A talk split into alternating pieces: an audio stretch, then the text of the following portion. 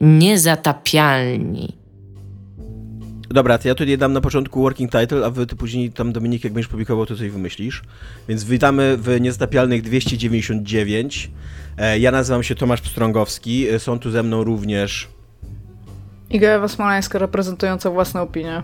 I Dominik Gąska, który nie wiedział, że ma coś wymyślić, a mam jeszcze trochę rzeczy, dzisiaj rzeczy do zrobienia, więc nie obiecuję. E, working więc... title to jest dobry tytuł. Wcale bym się nie zdziwił, jakby tak w koniec końców wyglądał po prostu jako working The, title. Albo, czekajcie, czekajcie, The Triangle Podcast. Myślę, że możemy dostać na jeden odcinek dużo niespodziewanego ruchu, jakby od ludzi, którzy się spodziewają zupełnie innego kontentu. Chociaż nie tak, nie zupełnie. Jakby. No właśnie nie, bo to jest inne słowo, nie? W sensie nie tłumaczę się no, no, nieważne. Też można powiedzieć Rough Triangle. Ja bym chciała zrobić tylko, tak, ale ja bym chciała tutaj zrobić jeden, jeden disclaimer, żeby ludzie wiedzieli. Ludzie mają prawo wiedzieć. We Wrocławiu jest dzisiaj jakieś 70 stopni Celsjusza w cieniu. Głębie się wtapiają w asfalt. I ja, żeby nagrywać, zamknęłam okno i wyłączyłam wiatrak. Więc jak umrę w trakcie tego spotkania, to zrobiłam to dla was. Dziękuję. E, Okej, okay, będziemy dzisiaj rozmawiać, yy, znaczy być może będziemy rozmawiać, bo być może Iga umrze w środku i nie będziemy wtedy rozmawiać. Znaczy chcę, żebyście kontynuowali ten podcast. wow, ostatnie życzenie. Ten tak? odcinek, tak? tak, tak, ten podcast musi być, czy umrę, czy nie, nagrywajcie dalej, jakby ludzie nie muszą te, o tym wiedzieć. Jak dopiero co im powiedziałeś, że możesz usiąść na antenie, jak mają nie wiedzieć o tym? Ja mogę stwierdzić, że nie wiem, że nie mam nic do powiedzenia. Na przykład. Iga, czy ty się znasz? No dobra, no w, ka w, każdym razie tak.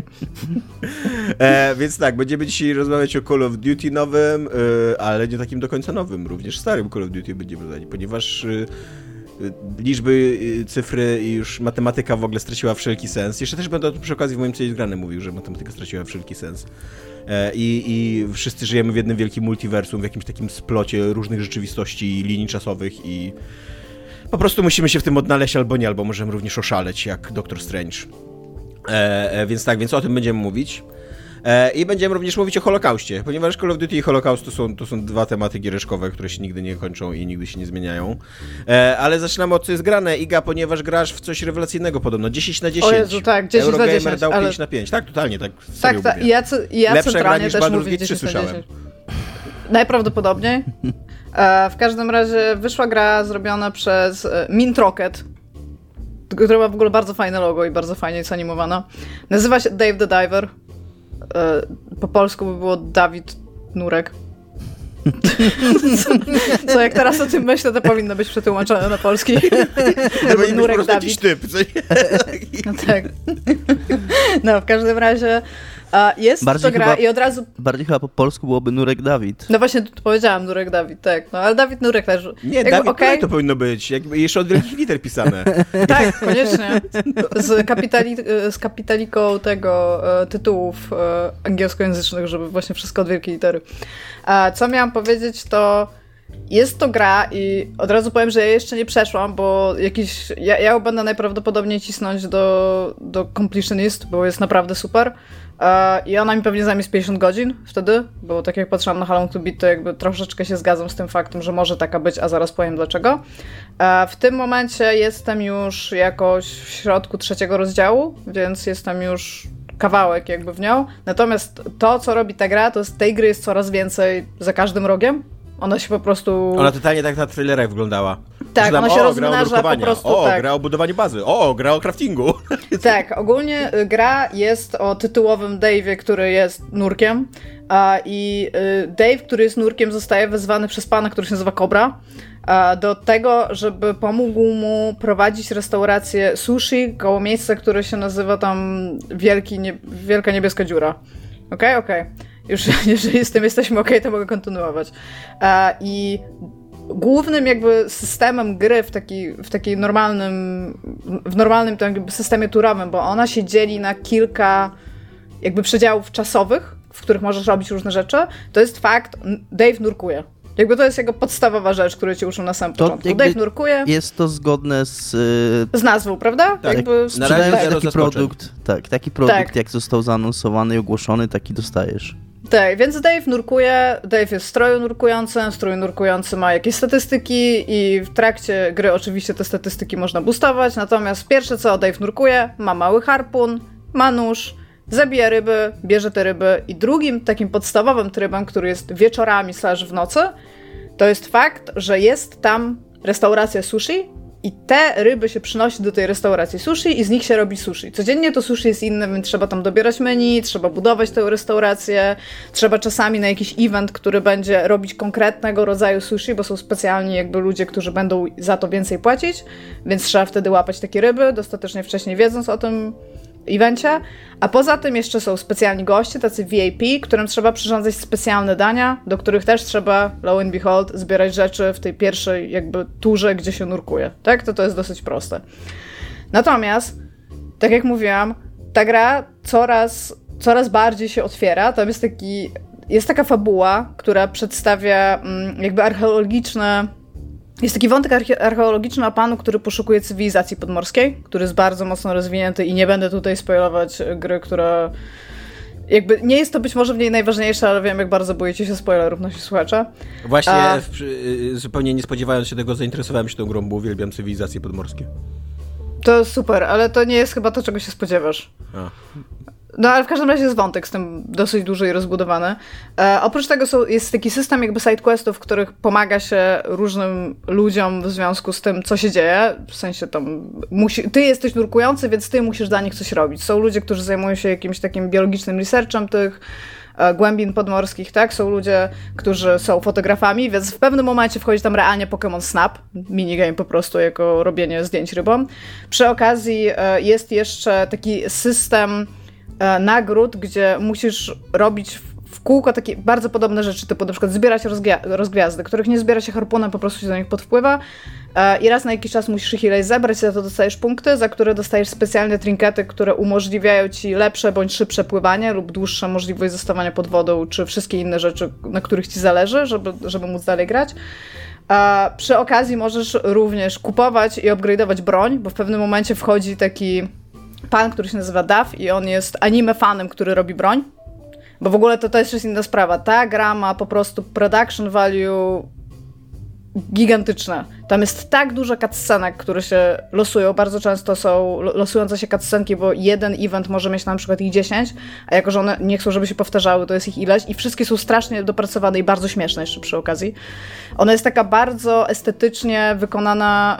Yy, z takim bardzo dużym mrugnięciem okiem do anime. Na zasadzie wszystko jest takie bardzo ekstremalne, czyli jeżeli kucharz y, robi, y, ulepsza jakąś potrawę sushi, żeby tam miała lepszy smak i żeby ludzie za nią więcej płacili, to on jest takim, z, z takim samurajem, w sensie, więc zawsze macie taką cutscenkę, gdzie on tam najpierw oddycha albo woda kapie i potem on u, ulepsza jakoś to sushi. Ten ziomeczek od broni jest tam właśnie takim anime weebem, fanem E, więc zawsze ma takie jakby stylizowane na te takie anime, tam Czarodziejka z Księżyca albo coś takiego, w sensie, że robi tą broń w taki bardzo cutesy sposób i tam jest taki montaż, że się obraca na przykład. I Ale jednocześnie to wszystko jest w pixelarcie, co nie? Tak, właśnie nie wszystko jest w pixelarcie. Ta gra ma trzy jakby takie bardzo... Yy, bardzo różne art style, które wykorzystuje w zależności od tego, co ma być wykonane. Wszystkie tła są w takim 2,5D, Niektóre rzeczy, które się dzieją, typu na przykład jak delfiny pływają, orki albo coś takiego, to jest full 3D, a ludziki są w pixel arcie i są 2D. Więc jakby ona to też bardzo, bardzo dobrze łączy. W ogóle ja mam. Ja, ja nie, nie mam zielonego pojęcia, w jaki sposób ta gra była w stanie powstać w taki sposób, jak powstała, ale naprawdę łączy te wszystkie rzeczy, które są strasznie. No, jakby bardzo trudno byłoby mi sobie wyobrazić, dostając na przykład dokument na temat tej gry że to będzie działało, byłabym raczej sceptyczna i im się to wszystko udało połączyć. Przy okazji w tej grze jest też fragment, który jest visual novel, zupełnie bez żadnego powodu, jest po prostu tak rzucony i jest mnóstwo minigierek, które są minigierkami zaciągniętymi z innych rzeczy, tam typu Dance Dance Revolution, jakby jest, naprawdę jakby ta gra ta gra się nie kończy. W sensie, co ci się wydaje, że już masz coś w miarę obsykane, to nagle dostajesz jeszcze więcej gry. I ja to mówię, żeby nie skłamać, gra, grając w nią chyba około 20 godzin, mi się wydaje, że 19,5. Więc jest tam co robić. Przy okazji jeszcze się e, zbiera, te, kiedy się zbiera ryby, to ich dane dodają się do encyklopedii, którą daje ci typ ubrany jak stary Ash Ketchum z Pokémonów. I centralnie jest do tego odniesienie, bo on mówi, ta encyklopedia działa trochę jak, i są trzy kropeczki i Dave mówi, nie możesz tego mówić, bo nas posądzą, ale centralnie działa jak Pokédex. Więc jakby jeszcze dodatkowo uzbraja się w taki lub tego, żebyś chciał łowić te ryby i żeby mieć ich jak najwięcej. Tam przy okazji też w pewnym momencie oprócz harpuna dostajesz kilka więcej możliwości łapania tych ryb.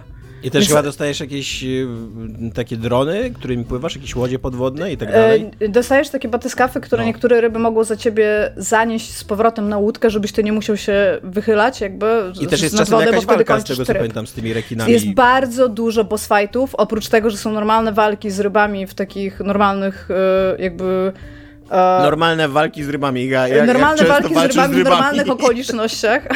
Mniej więcej tak samo często jak skacze w grach. Znaczy nie, poza grami, tak? E, ale też przy okazji masz e, taki gameplay, w którym rozmnażasz te ryby, które, które masz, więc jakby masz też takie hodowanie minigame. Jakby jest to bardzo, bardzo dużo gry w bardzo małym opakowaniu, jakby tak bym powiedziała. Bo jak zaczynasz grać, to się nie ja przynajmniej się nie spodziewałam, że tam będzie tak dużo tego. A przy okazji masz jeszcze, albo to, to miałam powiedzieć, masz jeszcze bardzo, bardzo dużo takich normalnie nintendosko zrobionych boss fightów. Gdzie masz jakieś trzy tury, znaczy trzy tury, trzy e, stany tego bossa, które tam odpalają się po jakiejś tam po tym, kiedy zjedziesz mu ileś HP na pasku i jakby i to wszystko jest super. Nie jest super e, fakt, że jest tam też gigantyzm podmorski, którego trochę się boję, aczkolwiek e, jakby to jest pierwszy boss, z którego się najbardziej bałam, a potem już było w miarę okej, okay, więc jakby bardzo, bardzo polecam tą grę. Jakby jest, ona ma te wszystkie skinnerboxy. Jest kilka. W sensie już jest mecha taka mechanika, która jakby pokazuje ci, że będziesz musiał troszeczkę pomyśleć raz na jakiś czas, żeby użyć niektórych przedmiotów. A, ale co mam jeszcze powiedzieć, to e, ona ma wszystkie, wszystkie z tych e, lupów, które ona ma, tych pętelek gameplayowych, e, są zorganizowane na tych takich bardzo podstawowych skinnerboxach. Na zasadzie, że ty wiesz, że ty musisz wykonać jakąś rzecz, żeby cyferki podskoczyły do góry i one to, ona to robi w taki bardzo, bardzo dobry sposób. Taki jak, e, nie wiem, w Diablo masz e, idealny dźwięk monetki zrobiony i super dobrze wycyrklowane, czy, ta pixel, czy ten piksel powinien być w takim momencie, albo w takim kolorze, to ona robi to tak samo, że cały czas odczuwasz gigantyczną satysfakcję w, z grania w nią, nawet Mówiłaś jeżeli robisz chyba, bardzo dużo takich samych rzeczy. tak dobrze, tak? To Ojejku, tak. Y, w ogóle jak gram w Day the Diver, to sobie przypomniałam o tym, jak super było Cult of the Lamp, więc jakby to chyba jakby drapie no właśnie, to samo spędzenie po polsku heroinę po prostu w życiu? Nie, jest, potrzebuję takiej heroiny bardzo dużo. Skończyłam Dredge, który jakby był bardzo, bardzo, się, bardzo że... dobrą grą i Dave the Diver, ja chcę powiedzieć, że 2023 rok to jest genialny rok dla y, gier, który, dla ludzi, którzy lubią gry pod, podmorskie lub związane z wodą, jakby keep them coming. Jakby jeszcze ja jeszcze jakiś horror jestem... taki podmorski. Nie pamiętam tak. tytułu teraz, ale wyjdzie Ja też, w, tak, patrzyłam, patrzyłam na niego ostatnio i już też nie pamiętam jak się nazywa, ale to jest ba bardzo, bardzo dziwny horror, bo jest bardzo podobny do Kalisto Protocol, który nie było za dobre. Ale jakby tak, ja potrzebuję więcej gier podmorskich w tym roku. To będzie dobry rok wtedy. To jest w ogóle dobry rok. Już teraz. Tak. Tak, ale jakby jeżeli wydadzą jeszcze kilka dredge'ów i Dave the Diver, to nie będę totalnie... Jakby ja mam teraz dobry streak growy. Ja się czuję mniej więcej tak samo szczęśliwie jak Dominik grający w Baldur's Gate 3 w, w tym momencie mojego życia. Więc Tomek, pytając się, czy chcę odstawić heroinę, totalnie nie. Jakby dajcie mi, dajcie mi umrzeć przy tym. E, ma przytłaczające jak... pozytywne recenzje, jest ich prawie 50 tysięcy na Steamie, co coś troszeczkę mówi. Tak, i, i są, jakby ma lepszy, lepszą średnią niż y, Baldur's Gate 3, więc tak e, bez kitu jak mówiłem, że to jest lepsza gra niż Baldur's Gate, to... Ale znaczy, Baldur's, Baldur's Gate to, to, jest, to jest bardzo dużo gry w czytanie i tego typu rzeczy. Dave the Diver to jest bardzo dużo gry w grze. Jakby to, to jest w ogóle do, do, dosyć lepsza gra od większości gier, które wyszły w tym roku ze względu na to, ile gry zmieścili do tej gry. To jest w taki sposób zrobione. Tak ludologicznie. Ja bym nie chciał gadać znowu o Baldur's Gate 3, więc powiem tylko krótko, że to nie jest tak do końca, że Baldur's Gate 3 to jest taka tylko gra o czytaniu, bo tam też jest bardzo dużo gry i systemów i takich rzeczy. Nie, nie teraz oddaję do Diver, sorry Dominika, przegrałeś tą walkę. A, a Tomka jeszcze muszę odbić, jak już zacząłem e, moje niemówienie o Baldur's Gate 3, że tak, ale zaniża trochę średnią na Steamie recenzje z Early Access, które mm, były trochę gorsze. Te nowe są lepsze. Może nie lepsze niż The Diver, ale nie, no. jest, fenomen, jest fenomenalny the Diver. Naprawdę, jeżeli ktoś z was słyszał o tej grze, mam wrażenie, że coraz więcej się o niej mówi i się zastanawia, czy chce w nią grać, to ja mówię od razu, tak, chcesz w nią grać. Jakby ta gra nawet nie potrzebuje mieć phishing minigame, żeby być dobra. Ona powinna mieć, może to, jest... to jest ta gra, która powinna mieć minigame w strzelanie do ludzi. To jest dokładnie nie, ta gra. Albo Grand Strategy pięciominutówkę, nie? Żeby tak szybko sobie jakąś cywilizację stworzyć. Ale naprawdę ta, tam w niej jest wszystko i wszystko jest super. Jest... Kolejna gra podmorska, ta właśnie, o której myślałem, wyjdzie lada chwila, bo 29 sierpnia i nazywa się Under the Waves. A to nie o tym myślałam. Nie? To, to jest jeszcze jeden to tak. horror. Tak. I to wygląda coś jak taki, taki horror e, o właśnie o człowieku, który taki trochę mun, tylko pod wodą, co nie? O człowieku, który żyje w stacji podmorskiej i traci trochę kontakt z rzeczywistością. Nie wiadomo, czy to jest to prawda, że on traci kontakt, czy to nie jest prawda, czy... Ja chcę więcej takich gier, Tomek. Dostaniesz, właśnie ci powiedziałem, że dostaniesz. Dobra. Prosisz i masz, co nie? Kurde, no, to, to jest najlepszy taki, odcinek ever. Ty też masz taki trochę love-hate relationship z tymi podmorskimi potworami, bo tak niby ich nie lubisz, ale właśnie przecież yeah? Dredge, no, znaczy boisz się ich. No boję się ich. A Dredge też przecież był chyba zbudowany w ogóle na tych podmorskich potworach, nie? Jakby to była ważna No w rzecz. ogóle zakończenia Dredge to jest też taki strasznie, bo zrobiłam jakby skończyłam już dredge, złapałam wszystkie ryby, porobiłam większość rzeczy, które tam były do zrobienia. Nawet spojrzałam, czy nie chcę zrobić wszystkich achievementów na Steamie. Zapytać się dlaczego, odpowiem wam, nie mam zielonego pojęcia. Nie zapytam Ale dlaczego jesteś heroinistką. Dziękuję. Ale jak zobaczyłam, e, co należy zrobić w tych, co jeszcze mam nie, nie zrobione, to stwierdziłam, że totalnie mi się nie chce, a to jest Steam i jakby nie liczą się te achievementy. Właściwie się antyliczą. Do liczą się bardziej niż na PlayStation, więc wiesz. No, Wciąż Pretty Much się nie liczą, tak? Liczą się tylko na Xboxie. Achievementy Jeżeli wypełniacie e, nieznapialnie bingo, to musicie to zaznaczyć. no ale w każdym razie skończyłam. Ma dwa zakończenia Dredge, a przynajmniej dwa, które odkryłam. E, I oba są naprawdę fajne. Jedno z nich pokazuje bardzo dużą rzecz stającą spod wody. Czy zapytasz się, czy krzyknęłam Dominik? Tak. Czy jestem z tego dumna? Nie, ale powiedziałam to w podcaście. Ja bardzo... Więc tak, Dave the Diver naprawdę w tym momencie już 10 na 10. Jakby nawet jak tam wsadzą mi jakiś stealth gameplay. Nawet jakby jestem w stanie to wybaczyć, jeżeli nie zrobię z tego trzygodzinnego jakiejś tam sekwencji. Zrobią DLC, Naprawdę który, będzie, tak. który będzie cały na stealthie. Dominik, jeżeli tak zrobią, to, przy, to wynajdę w końcu to, to, urządzenie, żeby kopać ludzi przez internet i będziesz pierwszą okopniętą osobą. A czemu ja? Co ja tutaj zawiniłem? No bo kraczysz. Jakby odwołaj to, przepraszam. Dobrze, odwołuję, przepraszam. Dobrze. Nie podsuwam pomysłów twórcą Dave the Diver. Mint Rocket. E, Dave the Diver e, na Steamie, e, Mint Rocket. Bardzo, bardzo serdecznie polecam. Ludzie, którzy grają w tę grę, którą ją poleciłam, również są ją polecający dalej, więc to będzie...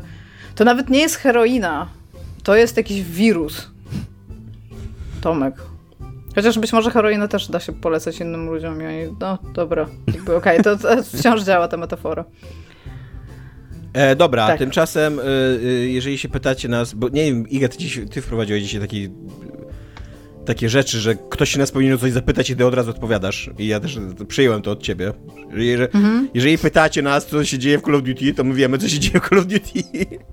Otóż w Call of Duty e, e, dzieje się, dzieją się przedziwne rzeczy, jeżeli chodzi o jakieś... E, nie wiem jak to nazwać już, jakiś taki um, twórczość osobną, jakieś takie um, kazirostwo pomysłowe. Jakie, Idea incest. Jakie tak, dokładnie, coś takiego. E, ponieważ e, dla tych, którzy nie śledzą na, na, na bieżąco Call of Duty, e, Call of Duty to fabularne, bo, bo Teraz Call of Duty są trzy. Jest y, Call of Duty fabularne, takie normalne jednoosobowe, że tam się strzela, nawet cztery, takie normalne jednoosobowe, że się strzela. Jest co-op Call of Duty, zazwyczaj jest zombie i tam się strzela do zombie, zazwyczaj w cztery osoby i to jest też fajne. Jest Call of Duty Multi, który jest takim normalnym multi, że tam się strzela do ludzi i, i jest to fajne, tylko się strzela w wiele osób. I ma różne tryby. I jest Call of Duty, jest, ma, ma, różne tryby i jest jeszcze Call of Duty... Um, Zgubiłem Warzone. Warzone, właśnie, tak. Które jest takim e, Fortnite'em tylko Call of Duty'owym. Ważone. Czyli takim jest Ważone, tak, gigantycznym, gigantycznym, tak, gigantyczną gierką, gdzie tam 100 osób ląduje ci na planszy i jedna musi przeżyć. Tylko, że tam już jest mnóstwo już jest e, jakby tweaków na tym, e, na tym gameplayu, więc tam już nie do końca o to chodzi, co nie? Ale więc w tym podstawowym, w tym pierwszym Call of Duty, które jest popularne e, i które cały czas jest ważne e, dla Activision Blizzard King, e, ponieważ cały czas je robią i nawet jak były takie chyba raz był taki rok, że go nie zrobili e, przy Black Opsach 4. E, to ludzie się dziwili, że nie zrobili i, i to było chyba nieopłacalne, że nie zrobili i ludzie chyba kupują dla tych, dla tych e, singli i tych kampanii. To oni, to w każdym razie w, ty, w tym singlu rewitali, znaczy odnowiono, wskrzeszono markę Modern Warfare.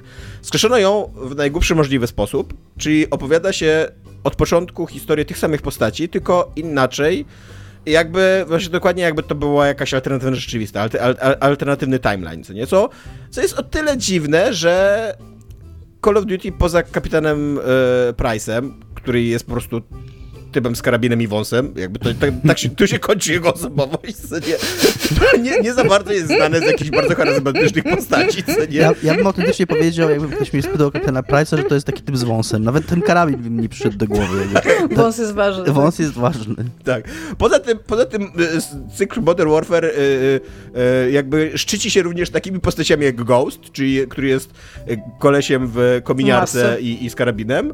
Być może z wąsem, nie wiemy tego, jakby. To, jest tajemnica. Jest jeszcze Soap, który jest typem z dziwną ksywą i wąsem. Tyle o nim wiemy. I jest jeszcze Makarow, który jest Rosjaninem y, z karabinem, który, który strzela do ludzi. E, bez wąsa. Wydaje Bez mi się, wąsa. że oba, o, tak, że obaj, obaj Makarowowie nie, nie posiadają wąsów. E, więc tak, więc trochę mnie dziwi to, że po prostu nie robią czegoś innego w tym Modern Warfare'ze, bo, no bo mówię, no ten stary Modern Warfare to totalnie tam no można po prostu zamknąć ten rozdział i iść do przodu, nie? Więc w każdym razie zrobili sobie nowy Modern Warfare, e, w tym nowym Modern Warfare zresetowali jakby cały, te, cały, cały ten świat, tylko cały czas są takie mrugnięcia okiem, że jednak nie do końca go zresetowali. Na przykład e, teraz już nie wiem, już są te 3 lata po pierwszym Modern Warfare, to mogę powiedzieć.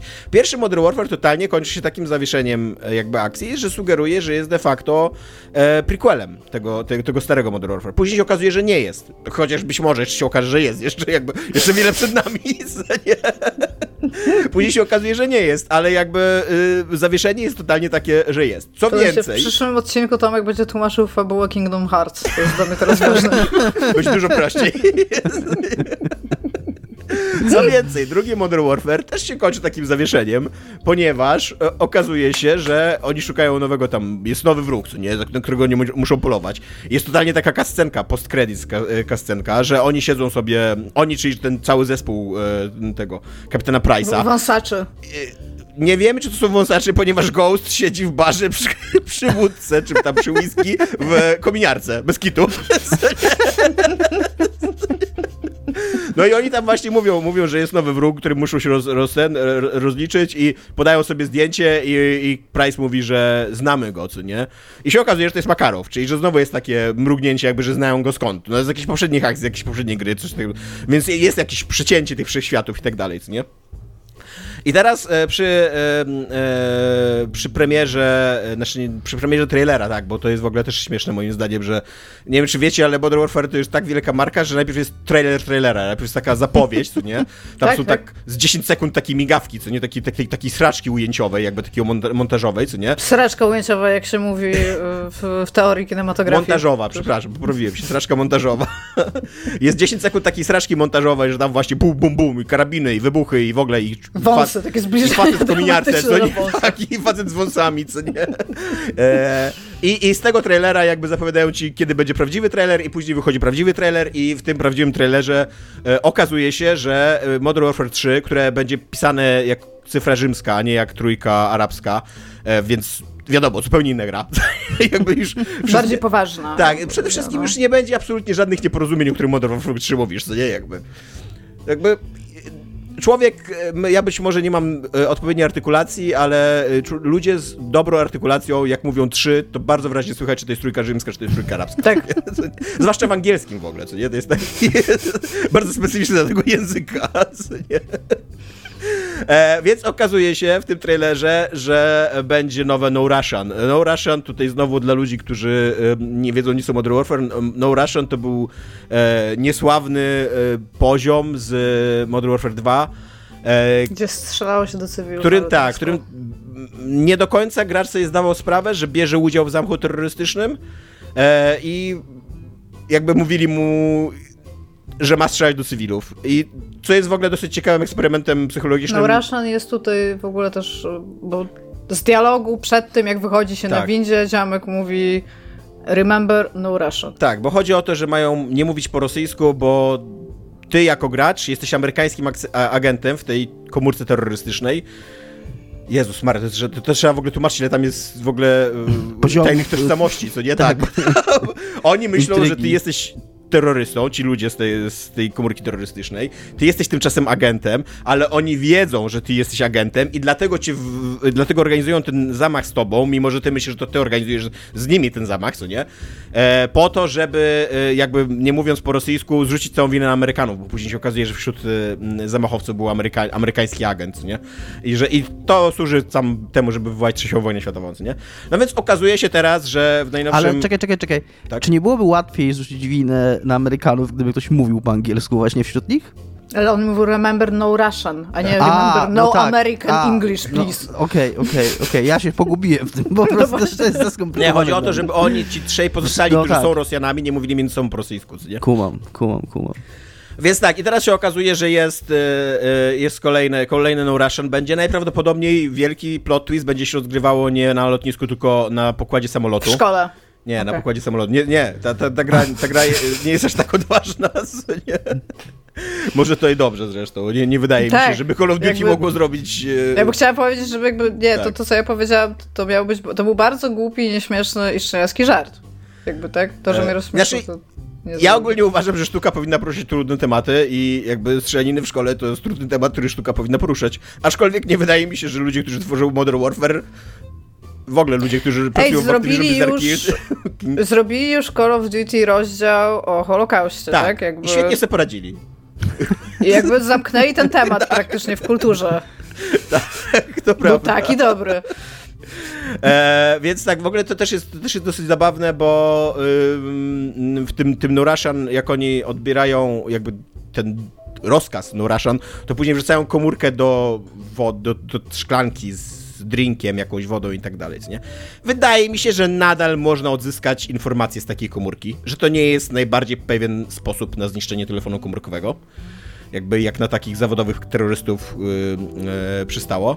E, ale tak i yy, co jest, co jest ciekawe i śmieszne w tym temacie, poza tym, że w ogóle Call of Duty jest śmieszne i ciekawe, to e, to, że nie rozumiem zupełnie, jak bardzo można nie mieć pomysłu na, na robienie tego Call of Duty że się kopiuje nie tylko się cały, wszystkich bohaterów się kopiuje, którzy nawet nie są ciekawi, co drogą, co nie? Mają Więc, wąsy, okej? więc kopiujesz tych bohaterów, kopiujesz cały świat, jakby całe, całe takie, mm, e, całe, wszystkie te realia, co nie, w których, w których to się dzieje. Które też nie były szczególnie oryginalne i też były jakoś tam kopią kina akcji Tak. amerykańskiego. Michaela Beya, dokładnie, co nie? I do, a przy okazji sytuacji geopolitycznej ówcześnie na świecie, co nie? Bo to tam wojna w Iraku i tak dalej, co nie? E, a do tego teraz kopiujesz tytuły i to wprost, a do teraz, teraz jeszcze kopiujesz kontrowersje, kurde, jakby. No, tam... Ja e, może nie jestem wielkim fanem tego No Russian, ale mam jakiś szacunek do tego, że, że zrobili coś takiego, że to ma jakąś taką wartość, nie wiem, historyczno-ewentową, co nie, że coś takiego się wydarzyło w grze głównego nurtu, że właśnie to jest taki ciekawy eksperyment psychologiczny, że dlaczego gracze zawsze strzelają do ludzi, nawet jak widzą, że strzelają do niewinnych ludzi No na ale lotnisku Spec tak Ops. The Line zrobiło to troszeczkę Słucham? lepiej. Spec Ops The Line zrobiło ten eksperyment troszeczkę lepiej. Wydaje mi się tak, wydaje mi się, że wiele gier można wy, e, wymienić, które robią lepiej rzeczy niż Call of Duty, a jednak to Call of Duty zarabia pierdyliard miliardów dolarów. Myślisz, że trzy? Myślę, że z trzy gry mogło to robić. Spec Ops The Line. Baldur's Gate 3 i Data Diver. Tak. I to jest koniec listy gier, które robią rzeczy lepiej od Call of Duty. E, więc, e, więc tak, więc będzie ten No Russian, jestem tym e, trochę zbulwersowany, ale jednocześnie jakby to, że, e, bo ja sobie teraz na potrzeby tego, tego newsa sobie przypominałem trochę, co się tam dzieje w tym, w tym Call of Duty, jak to wygląda. Ja muszę, muszę wrócić do tego, bo dla mnie Call of Duty to już jest totalnie właśnie taki... E, to, co się wydarzyło z serią Fast and Furious, nie? To, że, że ona zaczynała od jakiejś takiej właśnie e, poważnej, quasi poważnej dramy o ludziach, którzy potrzebowali po prostu pieniędzy na życie, więc kradli to odtwarzacze DVD, a jednocześnie ich sposobem na życie były jakieś wyścigi nielegalne i to to była w miarę realistyczna historia. Znaczy poza tym, że No, robili ratują rzeczy świat, samochodami, co nie? A dzisiaj ratują świat za pomocą samochodów w kosmosie, co nie? I trochę tak samo jest dla mnie z Modern Warfare, co nie? I w ogóle z Call of Duty. To była gra, która próbowała być jakąś tam e, symulacją natchnioną tym e, szeregowcem Ryanem, co nie? Symulacją działań wojennych. To, że tam mogłeś prak praktycznie zupełnie randomowo zginąć w takich, w takich jakichś wielkich zdobywaniach plaży, e, że, że miałeś te cytaty, które tam sugerowały ci, że to jest właśnie taka, taka filozofia wojny, się jest tu przekazywana i tak dalej, co nie? Ta plaża to akurat był Medal of Honor. Tak, ale jestem prawie pewien, że Call of Duty... I Battlefield i Call of Duty chyba robiły Jest- plaże u siebie. To Jestem jest... bardzo pewien, że Call of Duty też zrobiło u siebie plażę. Może nieko, niekoniecznie tą Omaha, tylko jakąś inną Mhm. plażę, ale jestem prawie pewien. A na pewno robił Stalin, bitwę o Stalingrad robiło Call of Duty któreś yy, i tam też totalnie na tym polegało, że po prostu randomowo mogłeś zniknąć od ognia, zginąć od ognia, bo no bo jakby reali, realizm pola walki taki jest, że tam kule latają i możesz umrzeć, co A nie? w Vanguard też nie było bitwy o Stalingrad? W Vanguard nie grałem. Ja To mówię naj- o Call of Duty z 4 najlepszych. World at War. Tam była bitwa Okej. o Stalingrad. Ja trochę... Call of Duty było bardzo dużo. Jakby ja na pewno Było. nie grałam we wszystkie, więc jakby... No Tak. i, i jakby ta gra, jakby wychodząc, to jest, to mówię, tak jak, tak jak y, Fast and Furious, nie? Wychodząc z jakiejś w miarę realistycznej fantazji na temat wojny, że o, teraz ci pokażemy, jak wygląda wojna, a ty przy To okazji się pierwsze- będziesz dobrze bawił. To pierwsze Modern Warfare też miało przecież takie, Tak. żeby już bliżej sięgnąć, też miało takie e, aspiracje i ambicje trochę, szczególnie jak była ta misja słynna z tym e, strzelaniem z samolotu do ludzi. Tak, tak, tak, dokładnie. Od- Jakoś tam mierzyć się, nie wiem, z y, takim brutalnością wojny, czy no jakoś coś pokazać w miarę, może nie realistycznego, ale przynajmniej autentycznego w jakimś Tak, sensie. i ona jeszcze przy okazji wyszła w środku e, inwazji na Irak, więc to, że tam się strzelało do tych brązowych ludzi, to też miało jakby taki, nie wiem, em, tak się wrażenie odnosiło, że oni ci próbują pokazać coś na temat tego Iraku. Nie? Oczywiście pokazywali ci strasznie głupie, propagandowe rzeczy, co nie? Em, ale No te jednak gry same z siebie są starali po się. części propagandą. No ale tak, ale właśnie do czego zmierzam, że dzisiaj to już są takie, tam każdy z tych bohaterów jest totalnie larger than life, nie? To, totalnie ten Makarow, który po prostu był złym Ruskiem, gadającym z, z takim chamskim rosyjskim akcentem i robiącym złe rzeczy, ponieważ jest złym Ruskiem, jakby co nie, tylko nie, nie, żadnej innej sensownej motywacji tej bohater nie miał, żadnego backgroundu, żadnej, że, to nie była w ogóle postać, co nie? A teraz e, powstaje taki trailer, z- tutaj z Igą zastanawialiśmy się, czy to jest aktorski, czy to jest kiepskie CGI, mi się wydaje, że aktorski jednak taki trailer, który, który, którym jest reveal, że znowu będziesz zabijał tego Makarowa. No, Ja mam, ja mam przemyślenia na temat tego trailera. no śmiało. Bo jest ten Makarow, nie? I tam jakby, żeby... Będę teraz streszczać trailer. Jeżeli... Makarow to był, tak, od razu tylko przypomnę lu- ludziom, którzy nie grali w Call of Duty, to był człowiek, który napis, powiedział no Russian jakby. Tak, to jest, to jest the no Russian guy, Tak. Makarow. jakby, tak? A Makarow jest w więzieniu. I on jest eskortowany w tym więzieniu. I on ja wygląda, myślałam, że on będzie... to jest czekaj, takie czekaj. więzienie, zaczekaj, ja, daj mi tylko coś powiedzieć. To jest No. takie więzienie, jakby Supermana zamknęli w więzieniu i mega się bali, że on po prostu się pewnego dnia wkurwi i rozwali całe to więzienie. To Tak. jest takie, tak Makarow wygląda w tym więzieniu. Tak, i w ogóle on jest gdzieś na samym końcu tego więzienia, a to jest też bardzo ważne, bo Na niego bardzo, jakiejś- bardzo długo prowadzą. Jeszcze na jakiejś planecie specjalnej więziennej, takiej, gdzie się Tak, największych takiej, gdzie, złoczyńców e, z całego wszechświata I przetrzymuje. tam jest, są te, tam są kopalnie, gdzie się trzy, dzieci, oni muszą tam jeszcze pracować, ale nie mogą wychodzić razem, bo się pozabijają. I on tam idzie, i on idzie przez jakieś, on dni idzie przez to więzienie. I on ma jakąś eskortę. I tam jakieś psy są w ogóle, które na niego szczekają, jak on, bo jest tak zły, że psy na niego szczekają po prostu. Jacyś ludzie trzymają te psy, żeby nie szczekały na tego Makarowa. I znaczy, żeby się na niego nie rzuciły, bo on jest taki zły. I on idzie i są takie zbliżenia na jego tatuaże i cały czas dostajemy taki feedback z offu, jaki on jest zły. I, jak te, I te tatuaże się animują, pokazując, jaki on jest po prostu totalnie zły, jakim on jest, kurde, wcieleniem zła. I jak on idzie, to jacyś typi się w ogóle biją w prysznicach, bo go też przez prysznicę prowadzą z jakiegoś powodu. I jeden z tych typów, jak widzi, że idzie Makarow, to przestaje bić, staje na baczność i się patrzy Tak. na niego praktycznie, a on pokazuje skinieniem głowy, że może kontynuować, więc napieprza daje Bicie człowieka, tak. Tak, bo to jest tak ważna Bo, ale przy okazji Makarow jest tak zły, co nie? Tak, tak. Ludzie, którzy tak, wyrządzają zło dookoła niego, patrzą na niego, ej, dobrze robię to zło, dobrze robię to zło. nie? tak, potwierdzasz, że to zło jest dobrze wykonywane.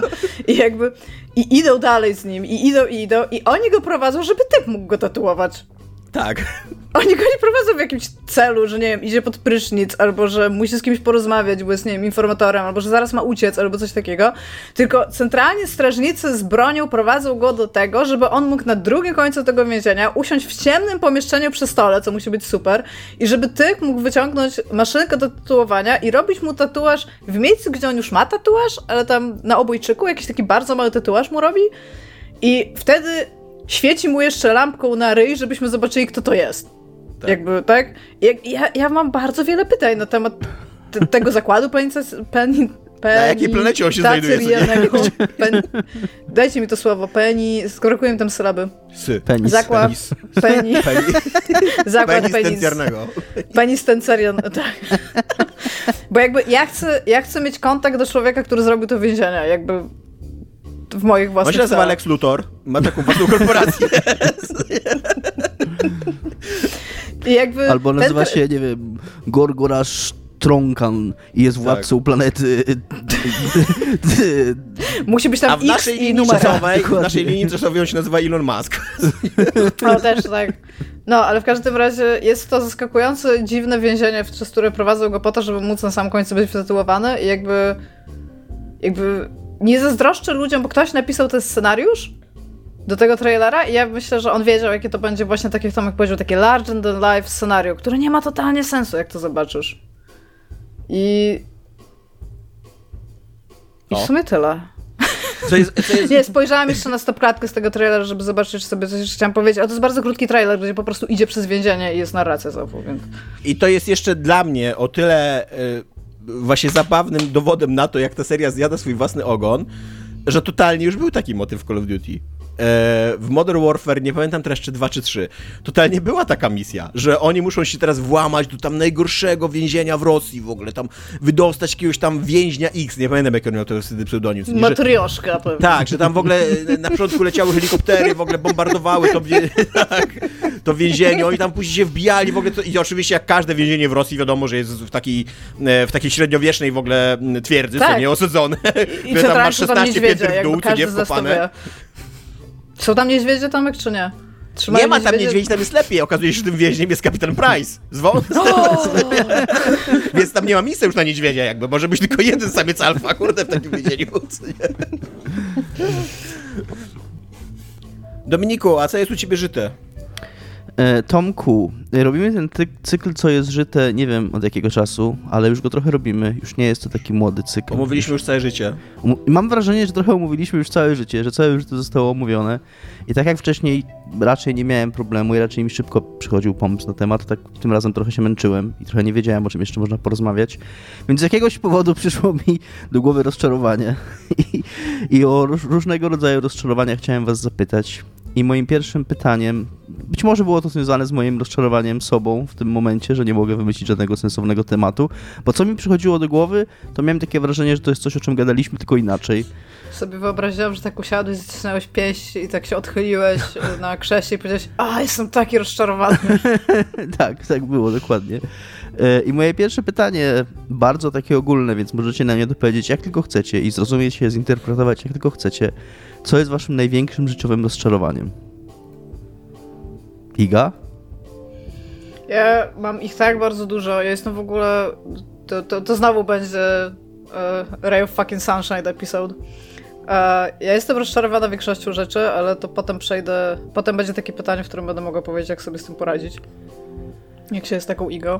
Jestem rozczarowana. Pomaga. Tak, w ogóle nie narkotyki. Hard, hard fucking drugs, kids.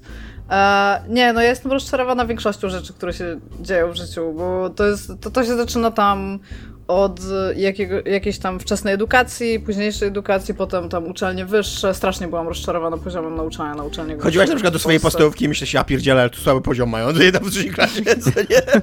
Mogłam wybrać lepiej. Znaczy, wiesz co, podstawówka tak naprawdę to było taki... Yy, wtedy jeszcze bardzo mocno wierzyłam w taki system edukacyjny, jaki istnieje przede wszystkim do tego, że byłam dzieckiem, tak, jakby, więc to tam się jakoś ten, plus ta podstawówka, której ja szłam i z jakiegoś powodu coraz, jakby w, przez ostatnie kilka miesięcy to do mnie cały czas wraca. Ja, żeby się dostać do tej podstawówki, jak miałam, tam miałam to tam 6,5 roku, czy coś takiego, w sensie jak tam się ten, to my pisaliśmy egzamin, więc ja już musiałam umieć liczyć, czytać i pisać. Do podstawówki ja się... pisaliście egzamin? Tak, wow. tak, bo żeby się do tego dostać, właśnie do tej podstawówki, musiałeś te rzeczy umieć. fancy podstawówkę taką. Miałam dosyć, mieliśmy, my byliśmy taką trochę farmą olimpijczyków, pamiętam, że strasznie, strasznie, szczególnie te, te ja, tam były Ile medali zdobyłaś klasy. w Tokio? W Tokio. Stary, to było dawno. Taka to farma olimpijczyków. Nie, no w sensie realnie y, jakby celem tej szkoły, chyba, chyba jakiś wyznacznik to był, żeby, że tam były takie dwie bardzo dobre klasy A i B jakby I one y, miały za zadanie jakby, żeby te dzieciaki bardzo często wysyłać na różnego typu Ile łącznie zdobyli tam- medali w Tokio? Ile To jest moje zdobyłeś? Nie pytanie. wiem, ty. Nie, w ogóle olimpiada w Tokio była już po mojej podstawówce, więc o co ci chodzi, ty? No ale jeżeli ta Ale- edukacja przyniosłaby skutki jakieś, takie No jakie właśnie. powinna, to byliby w stanie zdobywać te medale i, i później przecież, nie? No pewnie tak, no nie wiem. Ja śledzę też olimpiad. Dobra, czy mogę skończyć y, mówić, czy jeszcze raz się mnie zapytacie, ile medali w Tokio zdobyliśmy? Każdy z nas musiał tam brać udział w tych wszystkich konkursach typu tam kangur, omnibus albo coś takiego i do tego też, żeby w ogóle szkoła cię wystawiła, to musiałeś zdawać wewnętrzne jakby egzaminy. Plus każdy z nas musiał brać udział w jakichś sportach. To były takie jakby, ja bym to porównała teraz, jak cokolwiek mamy edukacji, do takiej edukacji, jak w Japonii mają. Że musiałeś być w jakimś tam klubie, ale też przy okazji musiałeś mieć jakiegoś takiego konika w takich normalnych przedmiotach, tak? Ja na przykład bardzo tam byłam spoko z matematyki i angielskiego, bo to pamiętam, że z tego pisałam olimpiady i z tego tam dostawałam tam szybko certyfikat, dostałam, który miałam opłacony. Jakoś tak strasznie to prosperowało, że tak powiem. E, I właśnie tam dopiero od jakiegoś liceum mi się tak, mi to tak jakby spadło, jak e, ta, ta nasza klasa jakby została, no każdy poszedł do innego liceum, tak? Albo do jakiejś tam szkoły średniej, o może w ten sposób. I pamiętam, że wtedy byłam też w ogóle po pierwsze zawiedziona, bo nie poszłam, ja chciałam iść do liceum plastycznego w Gdyni, ale rodzice mi się nie, nie zgodzili, żeby pójść do szkoły z internatem po prostu, żeby musiały się wprowadzić i nie za bardzo mi się to podobało. Więc to już było dla mnie gigantyczne rozczarowanie, a cały liceum to był szereg rozczarowań po prostu krok po kroku. A plus urodziłam się w mieście, w którym, jak wiecie, nie za bardzo chciałam się urodzić. Czyli w Elblągu i ci, którzy Tak. wypełniają bingo, teraz mogą Literalnie, zaznaczyć. tak, w historii ludzkości nikt nigdy nie chciał się urodzić w Elblągu. Myślę tak, wydaje mi się, że ta, tutaj przegrałam. No, ale w każdym razie, y, no i potem właśnie uczelnia wyższa, ja nie wiem tam jak, jak, jak było tam u ciebie, no te kierunki, które ja obrałam, to tam nie byłam za bardzo zadowolona z tego, jak, jaki jest poziom. W sensie chciałam, żeby był większy, ale potem sobie zdałam sprawę z tego, że uczelnie wyższe w Polsce, te takie publiczne, dostają pieniądze od, często od ilości studentów, zamiast na przykład od ilości wydanych artykułów naukowych, które są cytowane. Tak. I jakby widzę w tym gigantyczny problem po prostu w fakcie, że ludzie, którzy naprawdę chcieliby coś wyciągnąć z tych studiów, bardzo często muszą przesiedzieć bardzo dużo bezsensownych zajęć, jakby, które dałoby się poprowadzić pewnie lepiej w mniejszej grupie ludzi po prostu, niż jak nagle się bierze i się tworzy na przykład rok e, tam studencki, złożony na przykład z prawie 200 ludzi, a nie, nie ma potrzeby 200 specjalistów z tej dziedziny, jakby rok w rok, tak, żeby wydawać e, jakby na, na świat zawodowy. A, więc to mi się bardzo nie podobało. W tym momencie jakby już sobie mówię, z tym troszeczkę dałam radę, bo inaczej no to by się nie dało żyć, być tak bardzo rozczarowanym. W tym momencie, jeżeli chodzi o tematykę naszego podcastu, jestem jak zawsze rozczarowana mainstreamem growym. Jest mi bardzo przykro, że te gry wychodzą. Teraz ostatnio sobie obserwuję, a jak się nazywa, jest, jest, był stary Jedi, który wyszedł. Teraz jest, nowy ten Jedi. Tak, jest tragiczna jest ta gra.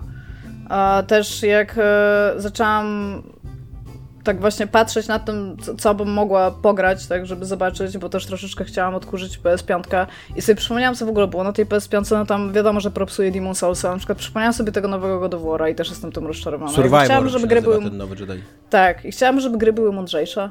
Naprawdę bym chciała, żeby gry były Dopiero co powiedziałeś, że uwielbiasz. Call Call of Duty jakby. Dopiero co gadaliśmy o tym 15 minut i byłaś zachwycona. Bo Call of Duty jest głupie. Jakby jest durne i oni sobie strasznie zdają sprawę z tego, że to właśnie musi być durne larger than life. I jakby problem, się, problem polega na tym, że dużo ludzi tego nie widzi. Jakby myślę, że jakby nie są w stanie zobaczyć, jak bardzo tam do 11 to jest podkręcone wszystko, co tam Jest, się dzieje. y, Ale mnie to bawi. Mnie to, to, to temacie- jest dla mnie strasznie rozwijające. Jak mogę biegać po zamkniętych pomieszczeniach z Panzerfaustem i rozwalać ludzi, to to jest dla mnie ciekawe i fajne. Potrzebuję mieć taką możliwość, tak? Od tego jakby odejść troszeczkę od faktu, że sobie gram w takie gierki, co mają kij w tyłku cały czas. Słucham. W tym temacie, o którym mówisz, wysłałem wam dzisiaj takiego mema śmiesznego, na którego nie zareagowaliście, a jest bardzo śmieszny, gdzie był screen z tego, z y, Beyond Two, nie z Beyond Two Souls, z Detroit, gdzie, Najgorszy Souls-like. gdzie akurat, tak, gdzie akurat ta y, robocica, co jest w menu głównym, mówiła coś o jakimś cytacie z Martina Luthera Kinga i był taki czarnoskóry jakiś streamer, który robił taką bardzo charakterystyczną minę do tego. Ja tak, nie zrozumiałam tego mema. a, okej. No bo to- jak, no... Ale nie przeczytałam też, co ona mówiła, A, no to więc ważne, jakby... jest, ważne jest, co ona tam mówiła i on robi taką minę takiego zdziwienia i takiego zszokowania tego, co się tutaj Jakby się jeszcze mówi. trzeba, przy, y, że to jest taka idealna biała piękność, ta robocica, nie? Taka, Aryjska taka, dok-. Dokładnie taki aryjski ideał urody? I on tak patrzy, e? I właśnie, i właśnie Będziesz teraz Martiną jest, Trackinga? I Detroit jest idealnym przykładem takiej gry, która chce być bardzo mądra, jest strasznie durna. David Cage odkrywa rasizm. Tak, i właśnie o to mi chodzi, że jakby ja, ja sobie troszeczkę zdaję sprawę z tego, czym jest mainstream grach, bo jedną z, z moich ulubionych serii jest Earth Defense Force, tak? Zdaję sobie sprawę z faktu, że gry mogą być mindless i mogą być fun. Ja nie mam z tym żadnego problemu. Ale można by też było zrobić coś, co jeżeli już nie ma być mindless i fun, a wciąż ma być gameplayowo jakieś tam fajne, tak? W sensie mainstreamowe, to te pieniądze powkładać w troszeczkę inne filary tych gier. I to nie jest tak, że one by się nie sprzedały. Just saying, więc jestem tym po prostu rozczarowana kontynuacyjnie, bym powiedziała Dominika. Ale mówię o tym co tydzień w tym podcaście, więc to ku zdziwieniu nikogo po prostu. Ja bym chciał o moim A i rozczarowaniu... ludzkością. A. Ja bym chciał o moim rozczarowaniu zacząć od y, tego, co Iga powiedziała edukacją, bo ja z kolei jestem raczej, jeżeli już jestem edukacją rozczarowany, y, to jestem edukacją właśnie po studiach rozczarowany, bo y, jeszcze dopóki robiłem doktora i tak dalej, to potrafiłem coś siebie wyciągnąć z tej edukacji. Natomiast E, zwłaszcza jak wszedłem właśnie w takie game devowe em, okolice, one są bardzo moim zdaniem takie e, IT-owo-informatyczne, nie? To jestem absolutnie przerażony i rozczarowany tym kultem 20-40 minutowych toków, które odmienią twoje życie i sprawią, że będziesz dobrym pracownikiem i będziesz robił zajebiste gry i tak dalej, nie? Jakby to nie jest prawdziwa edukacja, to nie jest prawdziwe uczenie się. Te wszystkie GDC, GICE i tak dalej, tam możesz usłyszeć dwa ciekawe pomysły w trakcie takiej, takiej, takiej gadki, ale nie nauczysz się wykonywać zawodu w ciągu 20 minut, ani 40 minut, nie? E, I to, że wszyscy to tak lubią, to, że to ma taki status w ogóle, e, nie tylko w naszym, jakby, nie tylko w game devie, bo to w ogóle w całym, na całym świecie dzisiaj te wszystkie... I ludzie płacą olbrzymie pieniądze tak. za te konferencje, za dostęp. Nawet jak nam Tak. nie jadło za dostęp to do jest, tych to jest taka McDonaldyzacja wiedzy, co nie? Takie, że, że wystarczy, kurde, cztery błyskotliwe zdania i wszyscy "Pff, jaki mądry człowiek, kurde, 22 minuty i w ogóle zupełnie inaczej patrzę na życie, co nie? No nie, no nie. Jakby chcesz się czegoś nauczyć, to się ucz. Uczenie się to jest proces, a nie Tak. moment. Ja mam, e, czy mogę wejść, e, w sensie zgodzić się z tobą i powiedzieć, jaki mam working theory na temat tego, dlaczego tak to wygląda? No. A z tymi tokami, na przemówieniami, prezentacjami e, na tych większych wydarzeniach growych, ja widzę taki problem, że dostajesz tam, powiedzmy nawet nie 45 minut, dostajesz powiedzmy tą godzinę. Tak, może półtorej, tam jest jeszcze jakieś Q&A, ale powiedzmy, że dostajesz tą godzinę. I teraz tak, wiesz, że rywalizujesz o to miejsce, jako tam, jako mówcę, tak, z innymi ludźmi, więc starasz się stworzyć tok, który będzie o czymś, o czym chcesz realnie powiedzieć. Już powiedzmy, że jesteś tak ideowo w to, a nie, że po prostu chcesz pojechać za darmo na prezentację, tak, znaczy na, na wydarzenie, tak, na konferencję. A więc idziesz i piszesz takiego toka i teraz tak, powiedzmy, że robisz coś strasznie niszowego, tak po prostu od lat robisz to samo, nie wiem, robisz jeden rodzaj combat systemu, to jest melee combat system, zawsze go robisz w FPS-ach powiedzmy, tak, i jakby, znaczy w FPP, chyba, że jest tam też shooting, no nieważne, w każdym razie robisz taki melee combat i teraz możesz zrobić toka, który realnie przez godzinę na przykład pokaże rzeczy, których się nauczyłeś i to Tak. są dla ciebie bardzo ważne rzeczy, tylko, że kto przyjdzie na tego toka? I właśnie, ludzie, ale właśnie, stricte przyjdą combat... ludzie, którzy się chcą czegoś nauczyć, kurde. Tak, no ale właśnie i teraz tak, przyjdą ludzie, którzy robią stricte melee combat w grach, albo którzy może myślą o tym, tak, i się realnie mogą czegoś nauczyć. Ale zamiast ciebie na tego toka wezmą ziomeczka, który powie 10, że, to jest, bo to jest tak jak w, tam, w galeriach, tak? 10 rzeczy, których nauczyłem się o graczach, numer piąty cię zaskoczy. I dostajesz toka godzinnego, na który może przyjść dużo, dużo więcej ludzi, ale nikt z tego toka nie wyniesie nic Tak. poza jakimś walorem show, takim show, jakby, nie? Bo najczęściej ci ludzie też mają jakiś taki fajną charyzmę do tego, co mówią. I problem polega na tym, że albo. Nie, nie wiem, jak jest w Polsce, nie wiem, czemu te toki w Polsce takie są, bo ja bardzo rzadko już chodzę na te toki. Po 15 minutach jestem w stanie stwierdzić, mam wrażenie, czy coś z niego wyciągnę, czy nie. Ja ci powiem, Ale- że e, o narracji i pisaniu to jestem po 5 minutach. Jeżeli, jeżeli, doj- No jeżeli tak, w tak, ciągu tak. tych pierwszych 5 minut padnie nazwisko Campbella, to, to ja już O wychodzę, Jezus to już dara. Tak, nie? tak, tak, to jakby nie mamy sobie nic więcej do powiedzenia. A, albo propa. A, I jakby nie wiem jak jest, mówię, nie wiem jak jest w Polsce, ale ja troszeczkę nie wierzę, że GTC nie dostaje mnóstwa właśnie tego typu fajnych edukacyjnych gadek, które po prostu nie są tak ciekawe, żeby potem ludzie, którzy zapłacili za te rzeczy, patrzą i wiesz, i nagle na przykład przyjeżdżasz i chcesz się czegoś nauczyć, ale dosłownie wszystkie rzeczy są tak niszowe, że nic cię nie interesuje. I tutaj jest taki jakiś problem, że my wciąż robimy w show biznesie, więc te konferencje też są oparte trochę o show biznes. Jakby potrzebujesz, żeby ci ludzie chodzili na te toki. Przez to dostajemy taką miernotę najczęściej, no. Tak, natomiast moim największym rozczarowaniem nie jest edukacja, mm, tylko jest... Liga Ewa Smoleńska. E, tak, to swoją drogą. E, nie, moją największy, moim największym rozczarowaniem życiowym jest kapitalizm, ale nawet nie dlatego, że to jest nieuczciwy system czy coś, to nie będzie polityczny teraz, tylko to jest taki, jest taki moment, w, kiedy jesteś w dorosłym życiu i zdajesz sobie sprawę, że cały system jest zbudowany tak, że ten mit o Syzyfie, który ty czytałeś w liceum, to nie jest przypowieść, to jest rzeczywistość, nie? Że ty do końca życia będziesz całe dnie zapierdalał tylko po to, żeby następnego dnia znowu się obudzić i zapierdalać i żeby w wieku 70 lat dostać jakieś pieniądze, żeby ostatnie 5 lat móc biegać po nie, lekarzach. Nie albo nie dostaniesz jeszcze lepiej, tak. Nie, jakby nie dostaniesz. Tak, albo nie dostaniesz jeszcze lepiej. Jakby, że, że zbudowaliśmy i najprawdopodobniej nie da się, być może, nie da się być może zbudować lepszego systemu, chociaż ja jako lewak nie wierzę w to. Uważam, że, je, że jest to możliwe, ale to nie chodzi o to, że ja chcę narzekać na jakieś siły polityczne, które, które doprowadziły do tego czy coś, nie?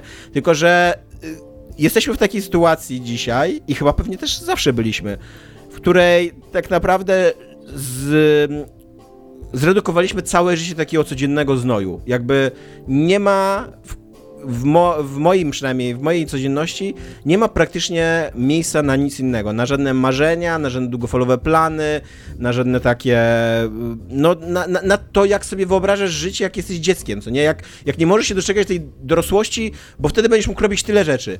Nie będziesz mógł, będziesz mógł zapierdalać po to, żeby później umrzeć, jakby. I to jest moje gigantyczne Wszystko rozczarowanie. Wszystko jest najgorsze, a potem umierasz. Dziękuję. Tak. Witamy na pokładzie, Tomaszu. Dominika, twoje największe Znowu zarzuciłem taki temat, który jest tak jak ja mówię, że no jesteśmy... mówię, Ray of fucking Sunshine, no. Ja mam troszkę chyba podobne do Tomka rozczarowanie, bo z kolei moje też jest związane z pewnymi oczekiwaniami, jakie się ma w dzieciństwie i jak się w dzieciństwie patrzy na dorosłych ludzi. Ja zawsze miałem takie poczucie, szczególnie jak jest się jeszcze małym dzieckiem, że ci dorośli ludzie są tacy mądrzy i że oni wiedzą, nie tylko wiedzą, że nie tylko mają wiedzę, ale mają jakąś tam mądrość, że wiedzą o co chodzi w życiu, że mają to jakieś ogarnięte mm, swoje życie, że są w stanie dawać jakieś rady, że są w stanie jakoś pomagać innym i że, i że jakby z wiekiem przychodzi jakieś takie zrozumienie świata. I, i jestem, i mam... Mogę no, się wtrącić? No jasne. To jest w ogóle, to jest w ogóle zajebista myśl, co ty mówisz, bo ja mam wrażenie, że dojrzewanie trochę polega na tym, że ty masz wrażenie, że nie wiesz, co robić w życiu, co nie? Że jakby, że, że jesteś taki młody, nie, nie, nie, nie, nie wiesz, nieukształtowany, że tak cały czas improwizujesz, co nie? I ci się wydaje, jak patrzysz na tych dorosłych ludzi, że oni są tacy ułożeni. Tak. A oni po prostu improwizują o znacznie wyższe stawki.